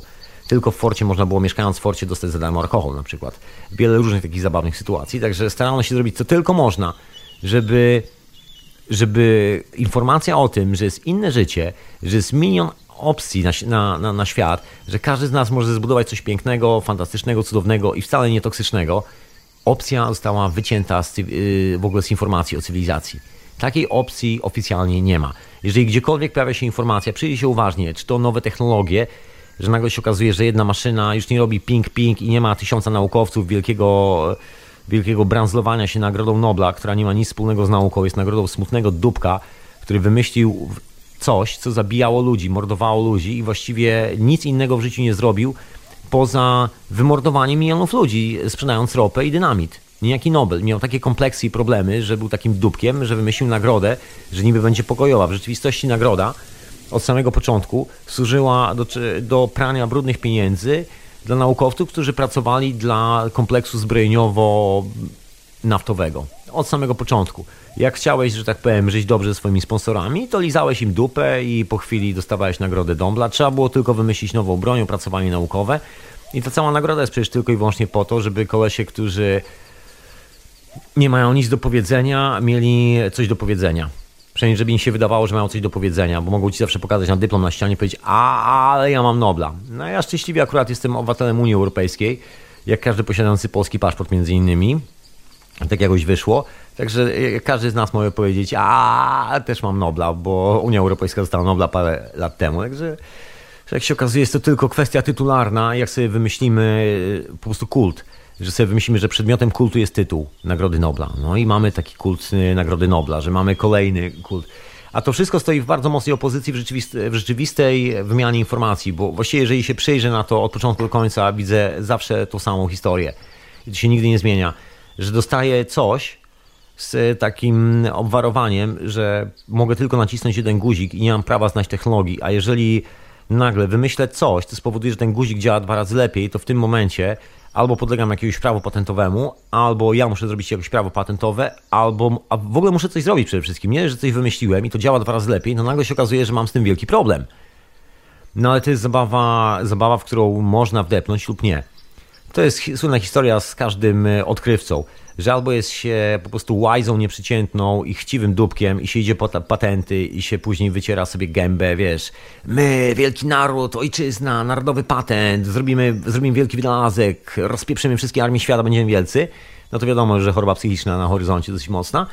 A z drugiej strony mamy rzeczywistą wymianę informacji, czyli jeżeli masz coś, co powoduje, że dzięki temu ten gentleman mieszkający na, nad jeziorem, który tam się pojawił 5 minut temu i nie wie za bardzo jak przetrwać, a przed nami sroga zima, żeby dać mu kanu, dzięki któremu złowi sobie własne ryby i będzie mógł sobie spokojnie żyć i przetrwać, a jeszcze może się nauczy łowić fajnie ryby i wiesz, pozna jakąś dziewczynę na wiosce, będzie z tego fajna miłość, wiesz, fajne dzieciaki, kto wie, kto wie co się wydarzy, you never know. Piękne życie w każdym razie. To zamiast, zamiast tego, to się, to się ogranicza opcje. Architektura systemów komputerowych pozamykana, architektura wszystkiego pozamykana, architektura tego pozamykana. Chcesz przestawić pozamykane, chcesz zmienić kolor? Nie możesz. Wszystko już dostajesz z szablonu. Co najwyżej pojawia się taka opcja, że firma, która produkuje wszystko z tego samego template'a, z tego samego szablonu, akurat odpuszcza na parę sekund, przekręcają jedną maszynę i dokładnie tak samo, żeby nie zmienić technologii, żeby nie kosztowało to zbyt wiele, produkują za pół ceny troszkę gorszy model, ale w innym kolorze, po czym sprzedają go za dwa razy większą cenę, mówiąc, ale to jest specjalny model, anniversary, urodziny, 25, produkowania masowego gówna, które nie nadaje się do użytku, ale mamy wersję urodzinową, która kosztuje dwa razy tyle, bo jest w innym kolorze. I też jest do niczego niepotrzebna. No właśnie, takie wiesz, yy, historie. Ja jeszcze zakończę ten wątek, bo tak ciągle kończę, kończę, kończę się rozbiegam. I teraz sobie weź tą klasę średnią, która marzy o tym nowym systemie, że oni jak już się tylko dorobią, to zrobią ten nowy, lepszy świat, w którym już nikt nie będzie cierpiał, nie będzie głodu i rozpaczy. I lądują w tym hotelu all inclusive i czasami wychodzą na zewnątrz i nagle dowiadują się, gdzie jest robiony ten ich świat, jak wygląda te rzeczywiste 80% tego, co im się wydaje, że w ogóle nie istnieje na tej planecie. I to jest, myślę, czasami bardzo pobudzająca refleksja dla bardzo wielu.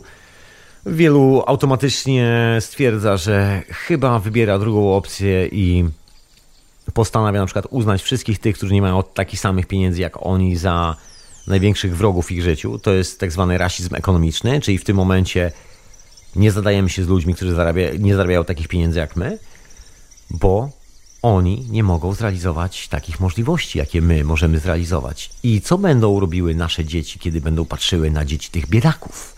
Nie możemy do tego doprowadzić.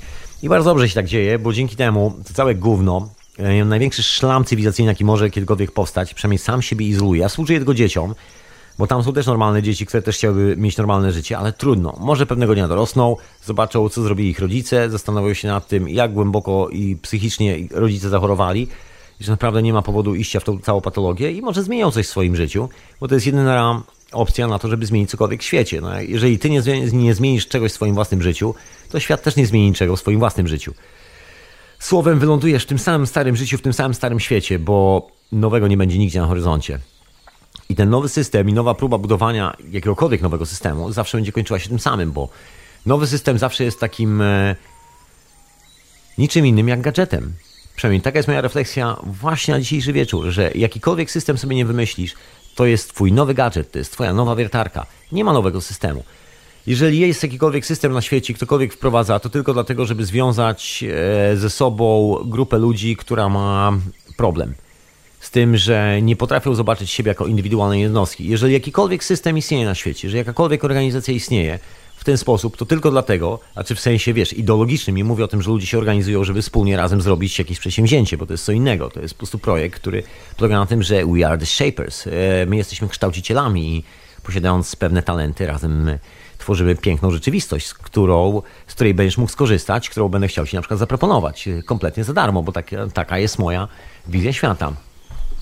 I to jest inna historia. Natomiast jeżeli jest to tylko i wyłącznie konsumpcja, i dążenie do tego, żeby wyeliminować konkurencję i dalej żyć z zasobów, nie zdają sobie sprawy, że każdy płaci cenę tego, co jest dookoła, że informacja jest za darmo, próbują zblokować tę informację, no to wiadomo, że, że ten świat jest skazany na zagładę. Wiadomo, że nic tam dobrego się nie wydarzy, wiadomo, że, że to jest koniec. To jest od początku do końca martwa sytuacja. Czy zwłoki mogą mówić? Nie, zwłoki nie mogą mówić. Także jeżeli człowiek ląduje w momencie, gdzie zabija swoją własną duszę, doprowadzając to do redukcji, do takiego czystego materializmu, gdzie właściwie jakakolwiek żywa istota, która istnieje na horyzoncie, ma tylko dwa zastosowania. Albo jest naszym niewolnikiem, albo zarabia tyle samo, co my, jest naszym partnerem. No ewentualnie trzecie, trzecie zastosowanie tej trzeciej, ta trzecia opcja, że jest e, właścicielem większego biznesu i że dzięki temu zrobimy większy biznes to troszeczkę za mało, żeby przetrwać na tej planecie. Tym bardziej, że do przetrwania potrzebny jest składnik organiczny, który bierze się z aminokwasu, bierze się z kilku innych rzeczy. Tu nie będę się rozpędzał z tematem naukowym, ale skracając tu całą moją myśl, wszyscy ludzie tworzą pole na tej planecie. Gdyby nie aminokwasy wszystkich żywych istot, nie byłoby tu ani jednej żywej istoty. I teraz, jeżeli jest jakakolwiek żywa istota, której odjechało na głowę tak, że jej się wydaje, że robiąc komuś krzywdę, zarabia coś na tym, jest naprawdę albo bardzo naiwna, albo bardzo głupia, albo jest to jeden z tych objawów współczesnej cywilizacji, czyli mamy do czynienia z produktem dzisiejszych czasów. Człowiek, człowiekiem, który uwierzył w to, że odpowiedzią na wszystko jest wziąć młotek, zatłuc sąsiada i zabrać mu jego własny telewizor w sytuacji, kiedy będzie chciał sobie oglądać telewizor, a jego się zepsuje. Bo właściwie do tego się to sprowadza.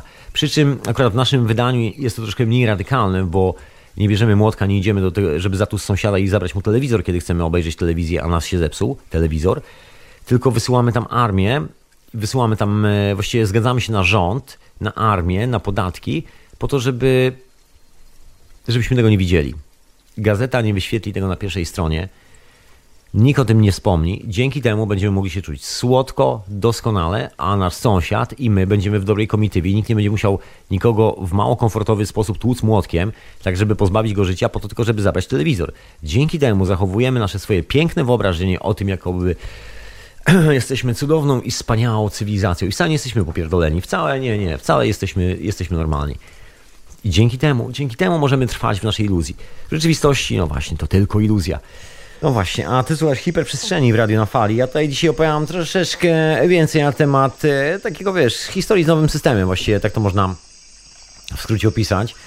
Tak się przyglądam troszeczkę na to, co się dzieje dookoła i tak sobie wyciągam różne wnioski. Jak się zastanawiam, jak to, jak to wygląda, bo widać transformację, widać, że się trzęsie mocno, widać, że ludzie nawet podświadomie czują, że to, co jest teraz, nie wytrzyma do jutra, w cudzysłowie do jutra. Może do jutra jeszcze wytrzyma, ale więcej sensu żadnego nie ma nagle się okazuje, że właściwie jak, jakkolwiek głośno, jakkolwiek nieskutecznie, mniej lub bardziej, albo skutecznie byś tłukł tym młotkiem w tą ścianę, przybijał gwoździe, to i tak nie ma żadnego znaczenia. Absolutnie, przynajmniej w tej cywilizacji. Nie oferuje nic takiego, co mogłoby spowodować, że cokolwiek się zmieni. Przynajmniej ja nic takiego nie zauważyłem. To jest taki, wiesz, łabędzi śpiew, jak to się zwykło określać. I tylko i wyłącznie po to, żeby się wymasować i żeby no, nie zrobić żadnego kroku do przodu. Ja myślę, że inna sprawa z drugiej strony że wielu z nas byłoby mocno przerażonych, gdyby miałoby zrobić jakikolwiek krok do przodu po latach zbierania rzeczy i wierzenia w to, że jak sobie nazbierają, to będą już mieli, że na tym polega całe życie. No ten moment y, może być bardzo brutalny, znaczy nie może, będzie na 100%. Chyba jeżeli tak już niedługo. Ten moment. Ja sobie myślę, że te 3 dni ciemności to wcale nie jest taki, wiesz, y, enigmatyczny i, że tak powiem, o, poetycki opis Nie no, mowa jest y, o konkretnych historiach i to tak dosyć konkretnie. Naprawdę, jeszcze raz się powołam, nie wyobrażam sobie, żeby ktokolwiek, kiedykolwiek zadał sobie tyle trudu, żeby wybudować urządzenia, żeby wybudować takie budowle, które stoją na tej planecie Ziemia, że są tak konkretnie skorelowane na konkretne ustawienia kosmiczne, które jasno i wyraźnie mówią, właśnie teraz, w tym momencie z Ziemią się coś takiego dzieje, a jednocześnie dzieje się ze mieszkańcami tej planety. Indianie Hopi, o których ciągle też wspominam dzisiaj, i ciągle wspomniałem to samo zdanie. Indianie Hopi. Powiedzieli, że kończy się czwarty świat i nadchodzi piąty. Piąty świat jest pokojem. To jest ta słynna przepowiednia. I żeby było śmieszniej, to jest jedyna przepowiednia, która w sumie się tak stuprocentowo sprawdza. Oczywiście kiedyś tam wspominałem Edgar Casey i tak dalej, i tak dalej. Już szczęśliwie nawet znany w Polsce, bo jeszcze 15 lat temu czy 10 to tak nie za bardzo, ale teraz już Edgar Casey... Wyszły chyba jakieś książki e, z Edgara Casey'ego z przepowiedniami chyba po polsku nawet, zdaje się. Już teraz dostępne. Są gdzieś w kraju przodków. I don't know. Zostawiamy to. W każdym razie nawet on nie przewidział kilku dosyć najistotniejszych spraw, które się pojawią, aczkolwiek część opowieści tam jest dosyć ciekawych. No teraz się pojawia dużo lightworkerów tak zwanych, dużo, nie wiem jak to nazwać, lightworker, czyli pracujący w świetle. Ja nie wiem do końca o co chodzi. Bo z reguły właśnie to jest ciągle ta sama historia, że nie dostaję pełnej informacji, dostaję tylko takie ściapki informacji i ciągle, no i ciągle widzę to samo cywilizację. I to naprawdę nie gra dla mnie żadnej roli, czy to się nazywa coś zależne, czy nazywa się niezależne, czy nazywa się siakie, takie, owakie. Jakkolwiek by się izmem e, na izmem nie nazywało, to i tak jest tylko i wyłącznie dotkryna przedstawiająca tytuł, albo tytuł, tylko i wyłącznie. Teraz jest pytanie, co jest dalej, co jest za tym tytułem. I teraz albo jest pełna informacja, albo nie ma pełnej informacji. No, pełna informacja to jest na przykład opisywanie jakichś procesów, że masz do czynienia z technologią i dowiadujesz się o tym i ludzie ci podają informacje, ok, jest coś takiego, tak to działa, tak to możesz zrobić, takie są benefity, które z tego tytułu otrzymujesz, jeżeli w to wejdziesz. Tak to wygląda. To jest pełna informacja. Brak informacji, no to nawet się o tym nie dowiesz, że coś takiego istnieje.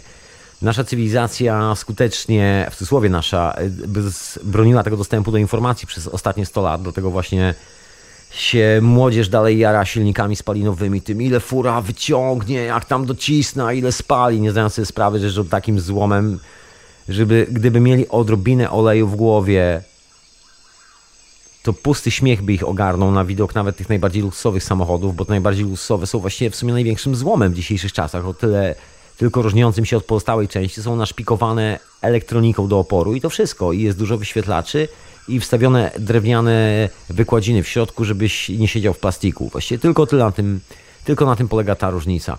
I oczywiście znam milion ludzi, którzy, którzy ci powiedzą, że w tym się lepiej jeździ, w tym się gorzej jeździ, to jest jednak porządny samochód, a to jest słaby samochód.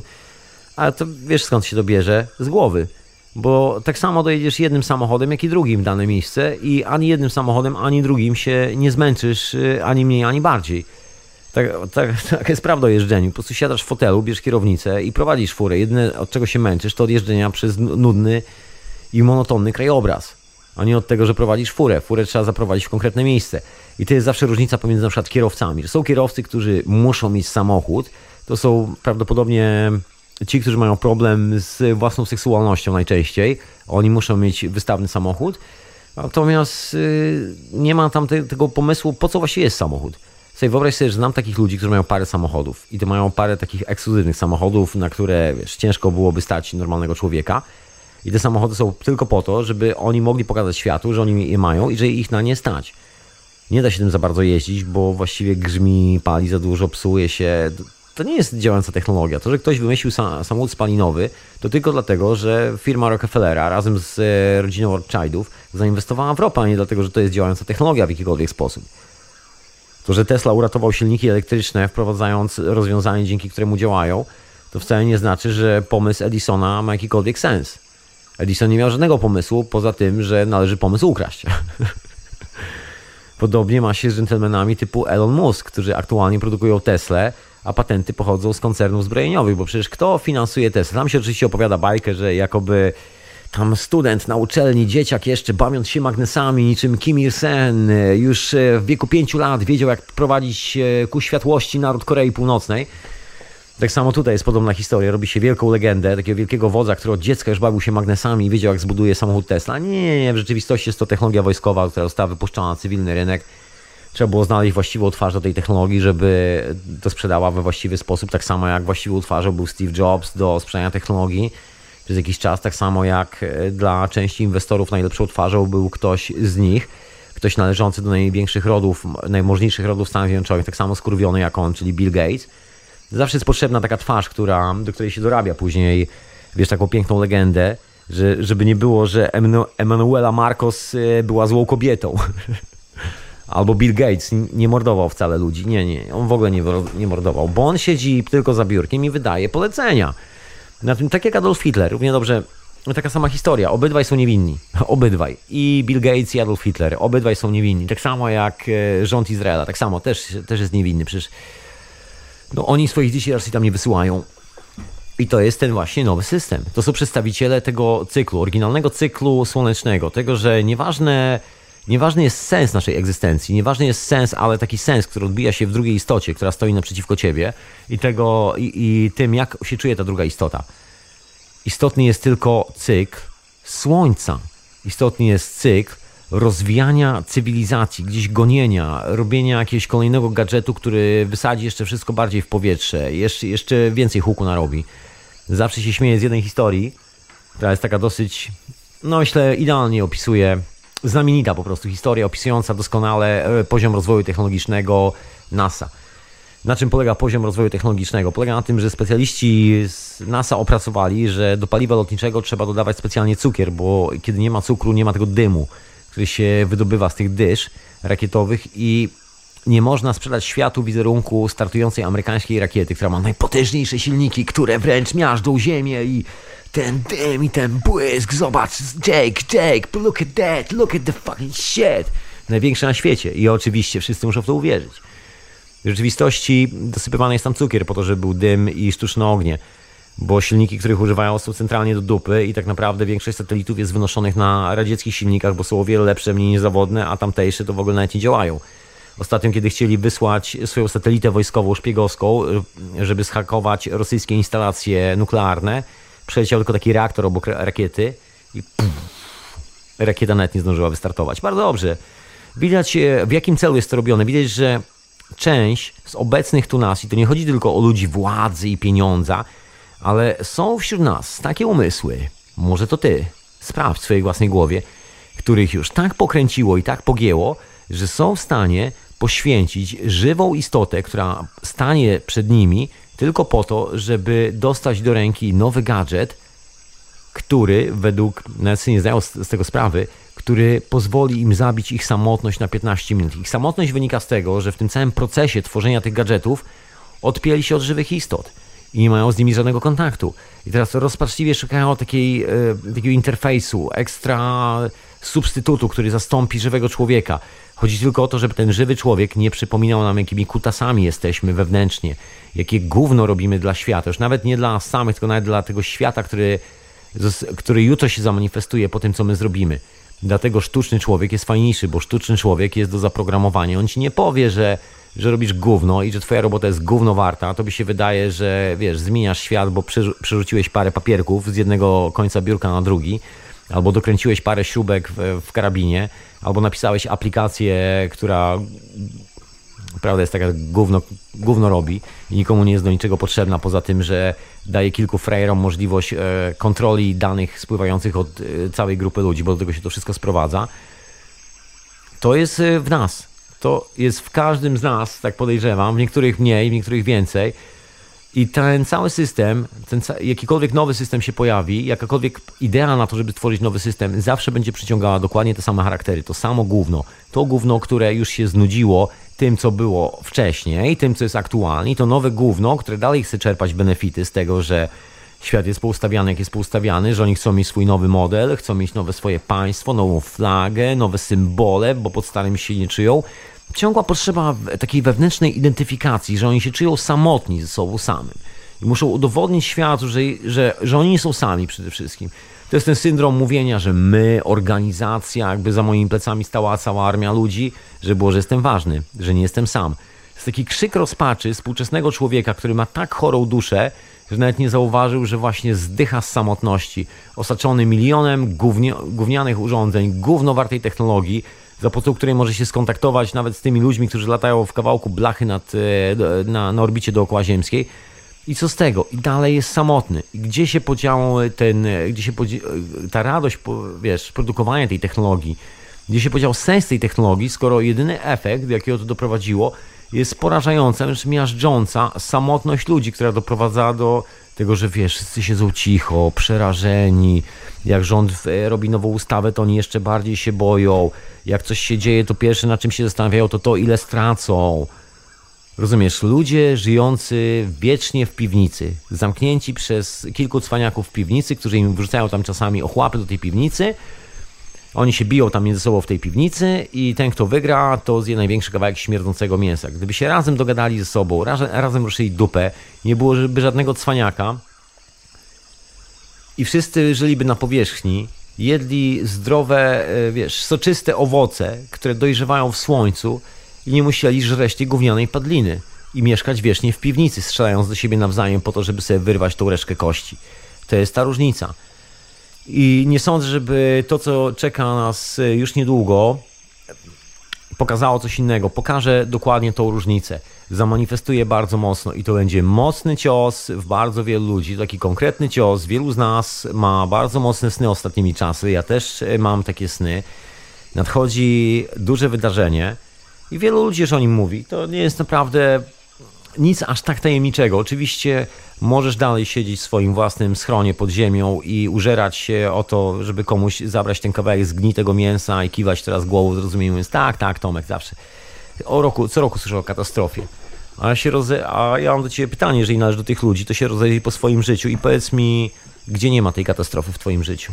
Pokaż mi te relacje, które opierają się na tym, że pracuj, że jeżeli cokolwiek robisz, to robisz to z czystej idei serca, nie chcesz za to pieniędzy i tak dalej, i tak dalej. Pokaż mi ten świat dookoła siebie. Pokaż mi świat, w którym jedyną zależnością jest tworzenie właściwego otoczenia, w którym dzieciaki zdrowo rosną i, z, i fajnie się czują, w którym ludzie fajnie się czują i zdrowo, wiesz, sobie żyją. Pokaż mi, że masz takie środowisko dookoła. Ja znam takie środowiska i wiem, kto je robi, bo nie chcę sobie powiedzieć, że tego nie ma. To jest i są ludzie, którzy potrafią to robić ale nie ci, którzy zbierają nowe telefony, nie ci, którzy zbierają nowe portfele, nie ci, którzy zbierają nowe wpisy do CV, żeby sobie zrobić nową karierę i nie ci, którzy zbierają sobie różne punkty, żeby spisać nowy system, którym będą rządzili światem. Jest aktualnie robiona taka sztuczka na świecie. Ja nie będę mówił co i jak dokładnie. Niektórzy może złapią, niektórzy nie. Bo świat się za chwilę bardzo mocno zmieni. Właściwie już zaczął się zmieniać bardzo mocno, niedługo bardzo radykalnie i tak bardzo, że z górki będzie. I część z nas, nawet tych chcących zmienić e, swoje własne życie i zmienić to środowisko, w którym żyjemy na normalne, ma ciągle problem z tym, żeby odpuścić w głowie tą iluzję, że ktoś musi, że muszą zdychać w piwnicy i żyć w tej piwnicy. To jest taki największy paradygmat, który ludzie sobie wrzucają do głowy. Nie powiesz człowiekowi, że stary, rząd ci jest niepotrzebny, armia ci jest niepotrzebna, policja ci jest niepotrzebna. To właśnie to jest ta mafia, która niszczy twoje życie. W miejscach, gdzie tej mafii nie ma, jest spokój, cisza i pogoda ducha, i ludzie mają czystą wodę i czyste jedzenie. Jeżeli potrzebują coś zjeść, mają je za darmo. Tylko ty, mając policję, wojsko, rząd i tą całą hołotę, którą być może pracujesz właśnie w służbach mundurowych, jesteś jednym z tej hołoty, to ty właśnie tworzysz taką rzeczywistość. To dzięki tobie jest brudna woda, to dzięki tobie nie ma co jeść, to dzięki tobie ludzie zdychają z głodu i dzięki tobie ludzie w cywilizowanym świecie mieszkają na ulicy, bo nie stać ich na dat nad, nad głową. Przecież to się nie dzieje w dżungli. Znajdź mi bezdomnego człowieka w dżungli amazońskiej. Znajdź mi bezdomnego człowieka w, w Australii, tam gdzie ludzie żyją na, na dziko, gdzie się normalnie żyje w takim plemienny sposób. Znajdź mi bezdomnego, głodnego człowieka w takim miejscu. Fenomen polega na tym, że tam nie ma głodnych, bezdomnych ludzi. Jedyni, którzy byli głodni i bezdomni, to są biali podróżnicy, którzy tam trafiali, schorowani, zdychający, umierający. Gdyby nie lokalne plemię, które za darmo ich wyleczyło, no właśnie, może nie powinni ich leczyć, bo później ci zdobywcy wracali do siebie i mówi, hej, jest tam lokalne plemię, które ma świetne drzewo i pełne, na których rośnie masa kauczuku. Mają po prostu lasy kauczukowe, trzeba tylko ich wymordować. I niestety kończyło się tak, że to plemię, które uratowało tego świra, który tam przyjechał po to, żeby, żeby, żeby zbudować swoją karierę, oni zobaczyli w nim żywą istotę, dali mu nowe życie. A co on zrobił? On sprowadził na nich zagładę. I dokładnie to zrobiła ta cywilizacja ze wszystkimi rzeczami, które jawią się jako zasoby, potencjalne zasoby na tym świecie. Także jedyna opcja to jest taka, żeby w ogóle nie budować żadnego systemu. I jest teraz robiona tak, taka historia na świecie, że jest E, organizowane coś w rodzaju takiej, można powiedzieć, grupy ludzi, którzy mają pokojowe intencje. I powiem Ci dlaczego. I to nie jest dlatego, że trzeba koniecznie zorganizować taką organizację, jakakolwiek by nie była, że, jest po, że są pokojowe intencje. To jest robione tylko dlatego, że jak się okazuje, znakomita część bardzo fajnych ludzi, którym może właśnie Ty jesteś, bo każdy człowiek jest fajny, dopóki mu nie odjedzie na czaszkę, to nawet fajni ludzie mają problem, żeby zrozumieć, że nie potrzebują wojska, nie potrzebują policji, nie potrzebują nikogo, nie potrzebują rządu, nie potrzebują e, być niewolnikiem w swoim własnym życiu, że sobie sami doskonale radzą z tym wszystkim i że mamy całą tą technologię tu na miejscu. I wcale nie potrzeba żadnych czarów z mleka, ani latania w kosmos, e, kontaktów z nie wiadomo jakim światem. Wszystko mamy tutaj na miejscu. A, a bracia z kosmosu, jeżeli naprawdę nie jesteś ślepy, każdej nocy ich zobaczysz. Jest tego na, na niebie tona każdym razie nigdy nie przestaje latać na niebie. Nigdy. I bynajmniej nie są to samoloty rejsowe wyprodukowane w fabrykach na Ziemi. Także nie ma z tym absolutnie problemu. I tylko jedyny właśnie, ale jak się okazuje, problem jest. I ten jedyny problem to jest Twoje wyobrażenie o świecie. Tak długo jak w Twoim wyobrażeniu jacyś ludzie odgrywają ważniejszą rolę w Twoim życiu niż Ty sam, tak długo masz przesrane, tak długo trzeba ci zorganizować troszkę zabawę, żebyś nie zwariował, bo kiedy przyjdzie duża zmiana, to ty zwariujesz, bo nagle się okaże, że nie ma rządu, nie ma banku, nie ma instytucji, nie ma autorytetów, y, nie ma religii. Okazało się kłamstwem. Wszyscy podpierdalali tylko po to, żeby ornąć cię z kasy i wymordować wszystkich jak tylko się da, żeby zabrać ich pieniądze. Nagle okaże się to wszystko w jedną wielką iluzją. I co wtedy? Wtedy wielu ludzi może mieć bardzo poważny problem, bo w całe ich życie jest, przynajmniej ta najważniejsza rzecz, która daje im poczucie stabilizacji, jest oparta na wierze w te filary, wiesz, złomy cywilizacji. Nagle się okaże, że to zniknie. I dobrze, żeby ci ludzie mieli przynajmniej taką poduszkę, której się przytulą z tymi swoimi biednymi e, uzależnieniami i nałogami myślenia o tym, że są niewolnikami. I ta poduszka to jest taka organizacja pokojowa, że że w, w, taki magiczny sposób e, zamieniasz tych, którzy sta, stali się niewolnikami, na tych, którzy sami zaczynają decydować o sobie. Bo jak dasz im tę organizację w ręce i jak oni sami zaczną to robić i tworzyć i budować swój własny ruch pokojowy bez żadnych liderów, bez, e, bez żadnych specjalnych funkcji, gdzie właściwie każdy jest dokładnie taki sam, to automatycznie uczysz tego człowieka jednej rzeczy. Dajesz mu jedną informację, bardzo ważną informację, bo on się sam właściwie uczy. Nigdy nikogo nie, niczego nie uczymy. Sami się uczymy indywidualnie. Ja się uczę od siebie, od swojego życia, ty się uczysz od swojego. Nie jestem w stanie ciebie niczego nauczyć. Uwierz mi. Jeżeli ktokolwiek mówi, że coś go nauczyłem, to znaczy, że kłamie. I to permanentnie kłamie. Opowiada ci bzdury. Nie ma takich ludzi na świecie. Co najwyżej, ja mogę się nauczyć sam. tak samo jak ty możesz się nauczyć sama. I to się nigdy nie zmienia. Także wracając do tego konceptu, y, jeżeli nie dasz takiemu człowiekowi czegoś, czego może się złapać, to on po prostu zwariuje.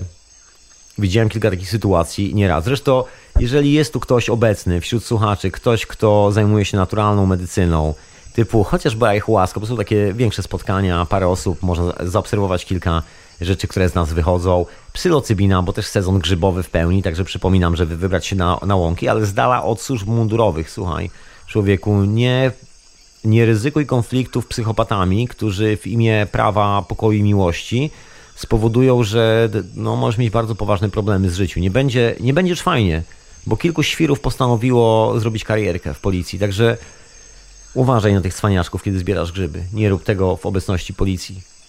Bandziorów zostaw tam, gdzie są, tam, gdzie ich miejsce, a ty się usuń z tego poletka i wiesz, e, na inne pole.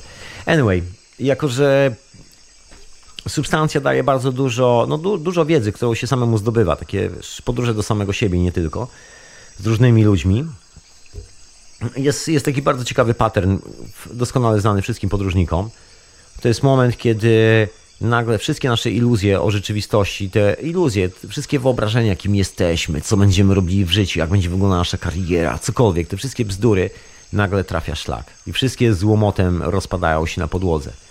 I nagle okazuje się, że jesteśmy tylko i wyłącznie istotą, którą jesteśmy.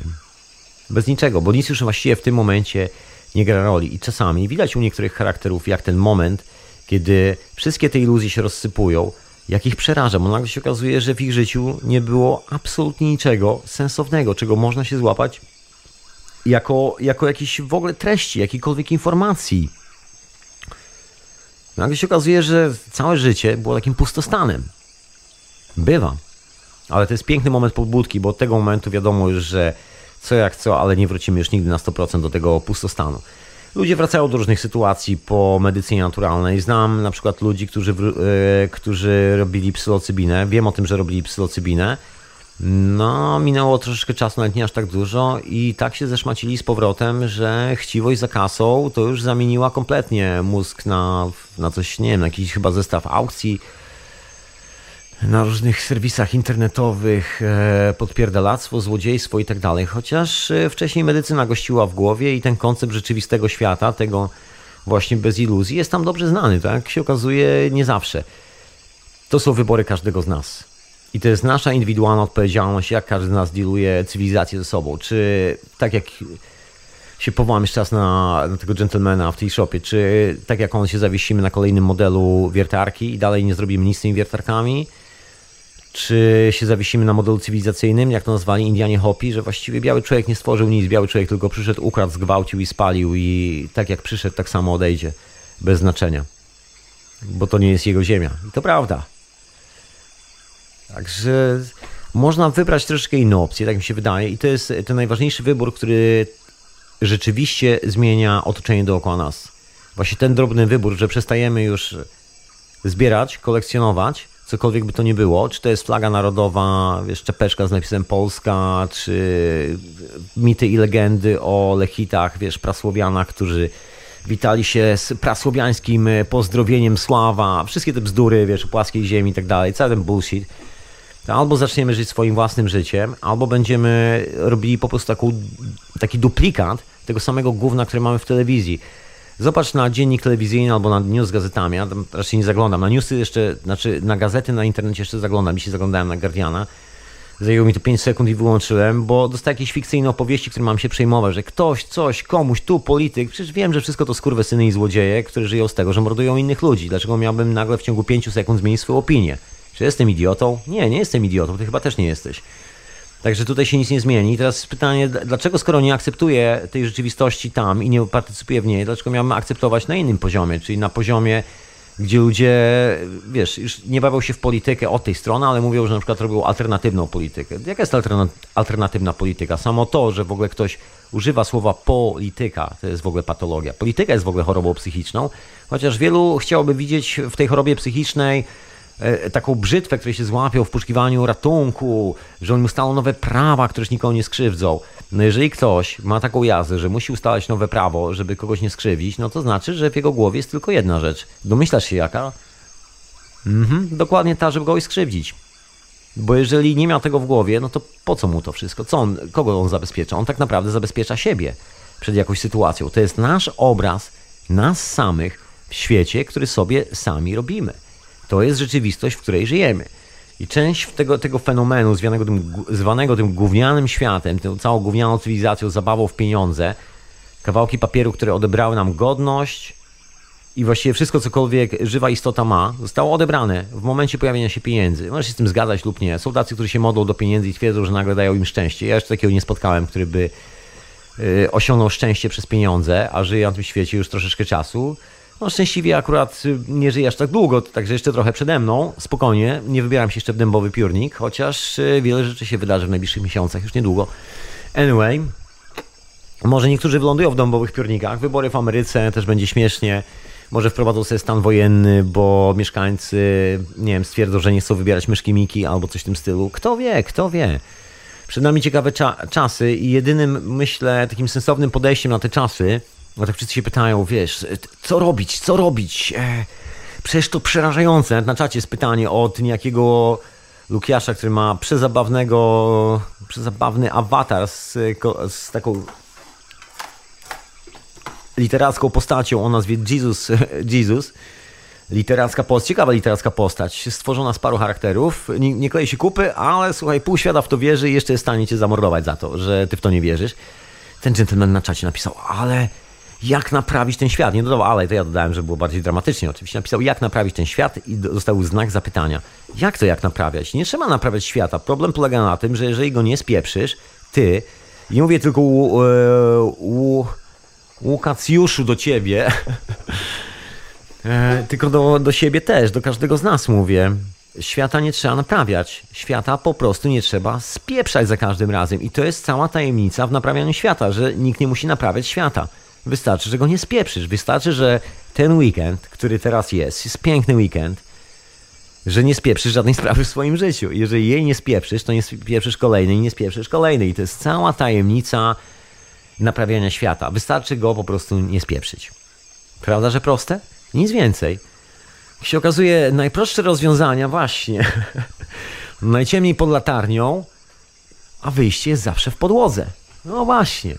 I to tyle chciałem powiedzieć tej dzisiejszej e, hiperprzestrzeni o tych cyklach, bo ja za chwilę będę chciał wrócić troszkę poopowiadać o tych historycznych rzeczach związanych z cyklami, bo, bo jest taki prosty patent, żeby pomóc mi zapomnieć o tym, że mam swój własny cykl, to wrzucić mnie w jakąś inną sytuację.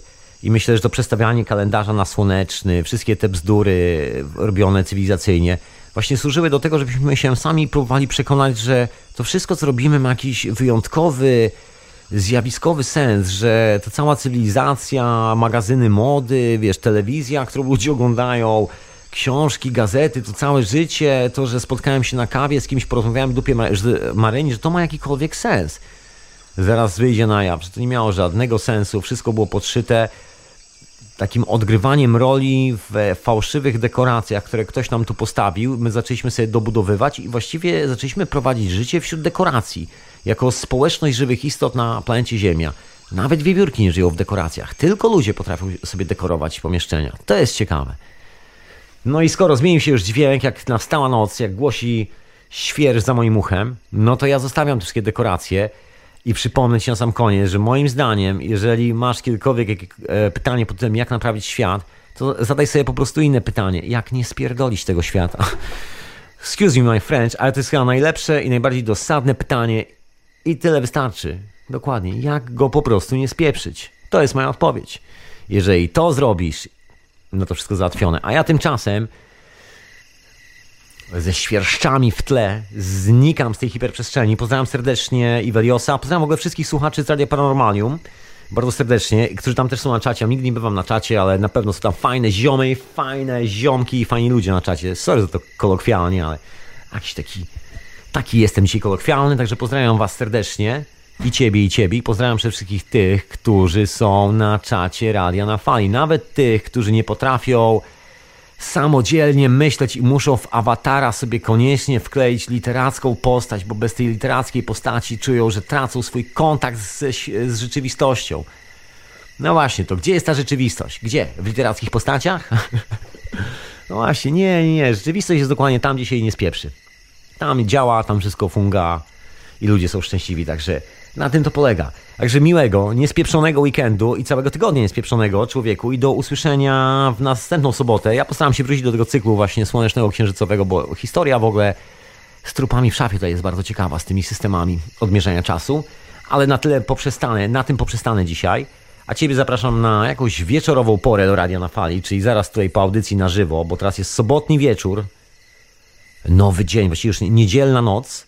Zapraszam Cię na audycję po hiperprzestrzeni, która jest tylko w radiu na fali, nazywa się Wieczorowa Pora, absolutnie live i tam, tam sobie jeszcze porozmawiamy koleżanko i kolego, a Tobie już dziękuję tutaj. Dzięki za wysłuchanie. Miło, że ściągasz, że słuchasz jako podcast i mam nadzieję, że się fajnie podróżuje i w ogóle zwiedza świat przy tym podcaście w uszach i przy tych moich opowieściach i że jest w ogóle miło. No i fajnie, że w ogóle wpadłeś tu na żywo. Ty człowieku, który jesteś tu na żywo. No i pozdrawiam wszystkich na czacie. Tymczasem ja tu sobie znikam i e, do usłyszenia niebawem. E, proszę ja szanownej koleżanki i szanownego kolegi. I przypominam, że w środę jest etykieta zastępcza księcia Edwarda i zobaczymy, co książę na tej wyprawie, co właśnie książę przyniósł z wypraw grzybowych. Także zapraszam, 23 polskiego czasu. Najbardziej zjawiskowa audycja w radiu polskojęzycznym. Książę Edward, który ostatnio nagrywa szuranie swoich butów po łąkach w poszukiwaniu grzybów. Człowiek na tropie medycyny, dokładnie. Także zapraszam serdecznie. Oprócz tego oczywiście spiski i teorie spiskowe w Teorii Chaosu, no i pozostałe rzeczy w radiu na fali. I oczywiście jestem w czwartek, a w czwartek, myślę, że wszyscy kaszyści już wiedzą, cewki na kosę, cewki na sztorc chciałem powiedzieć, nie na kosę, co ja coś tu mieszam. No to chyba czas najwyższy, żebym skończył hiperprzestrzeń. Człowieku, miłego weekendu.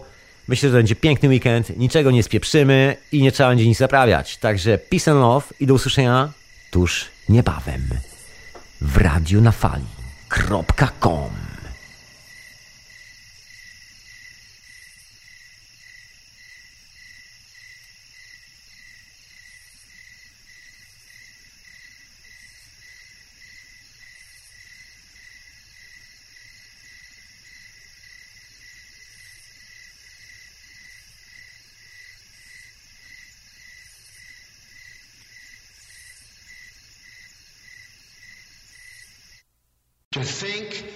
yourself and question authority.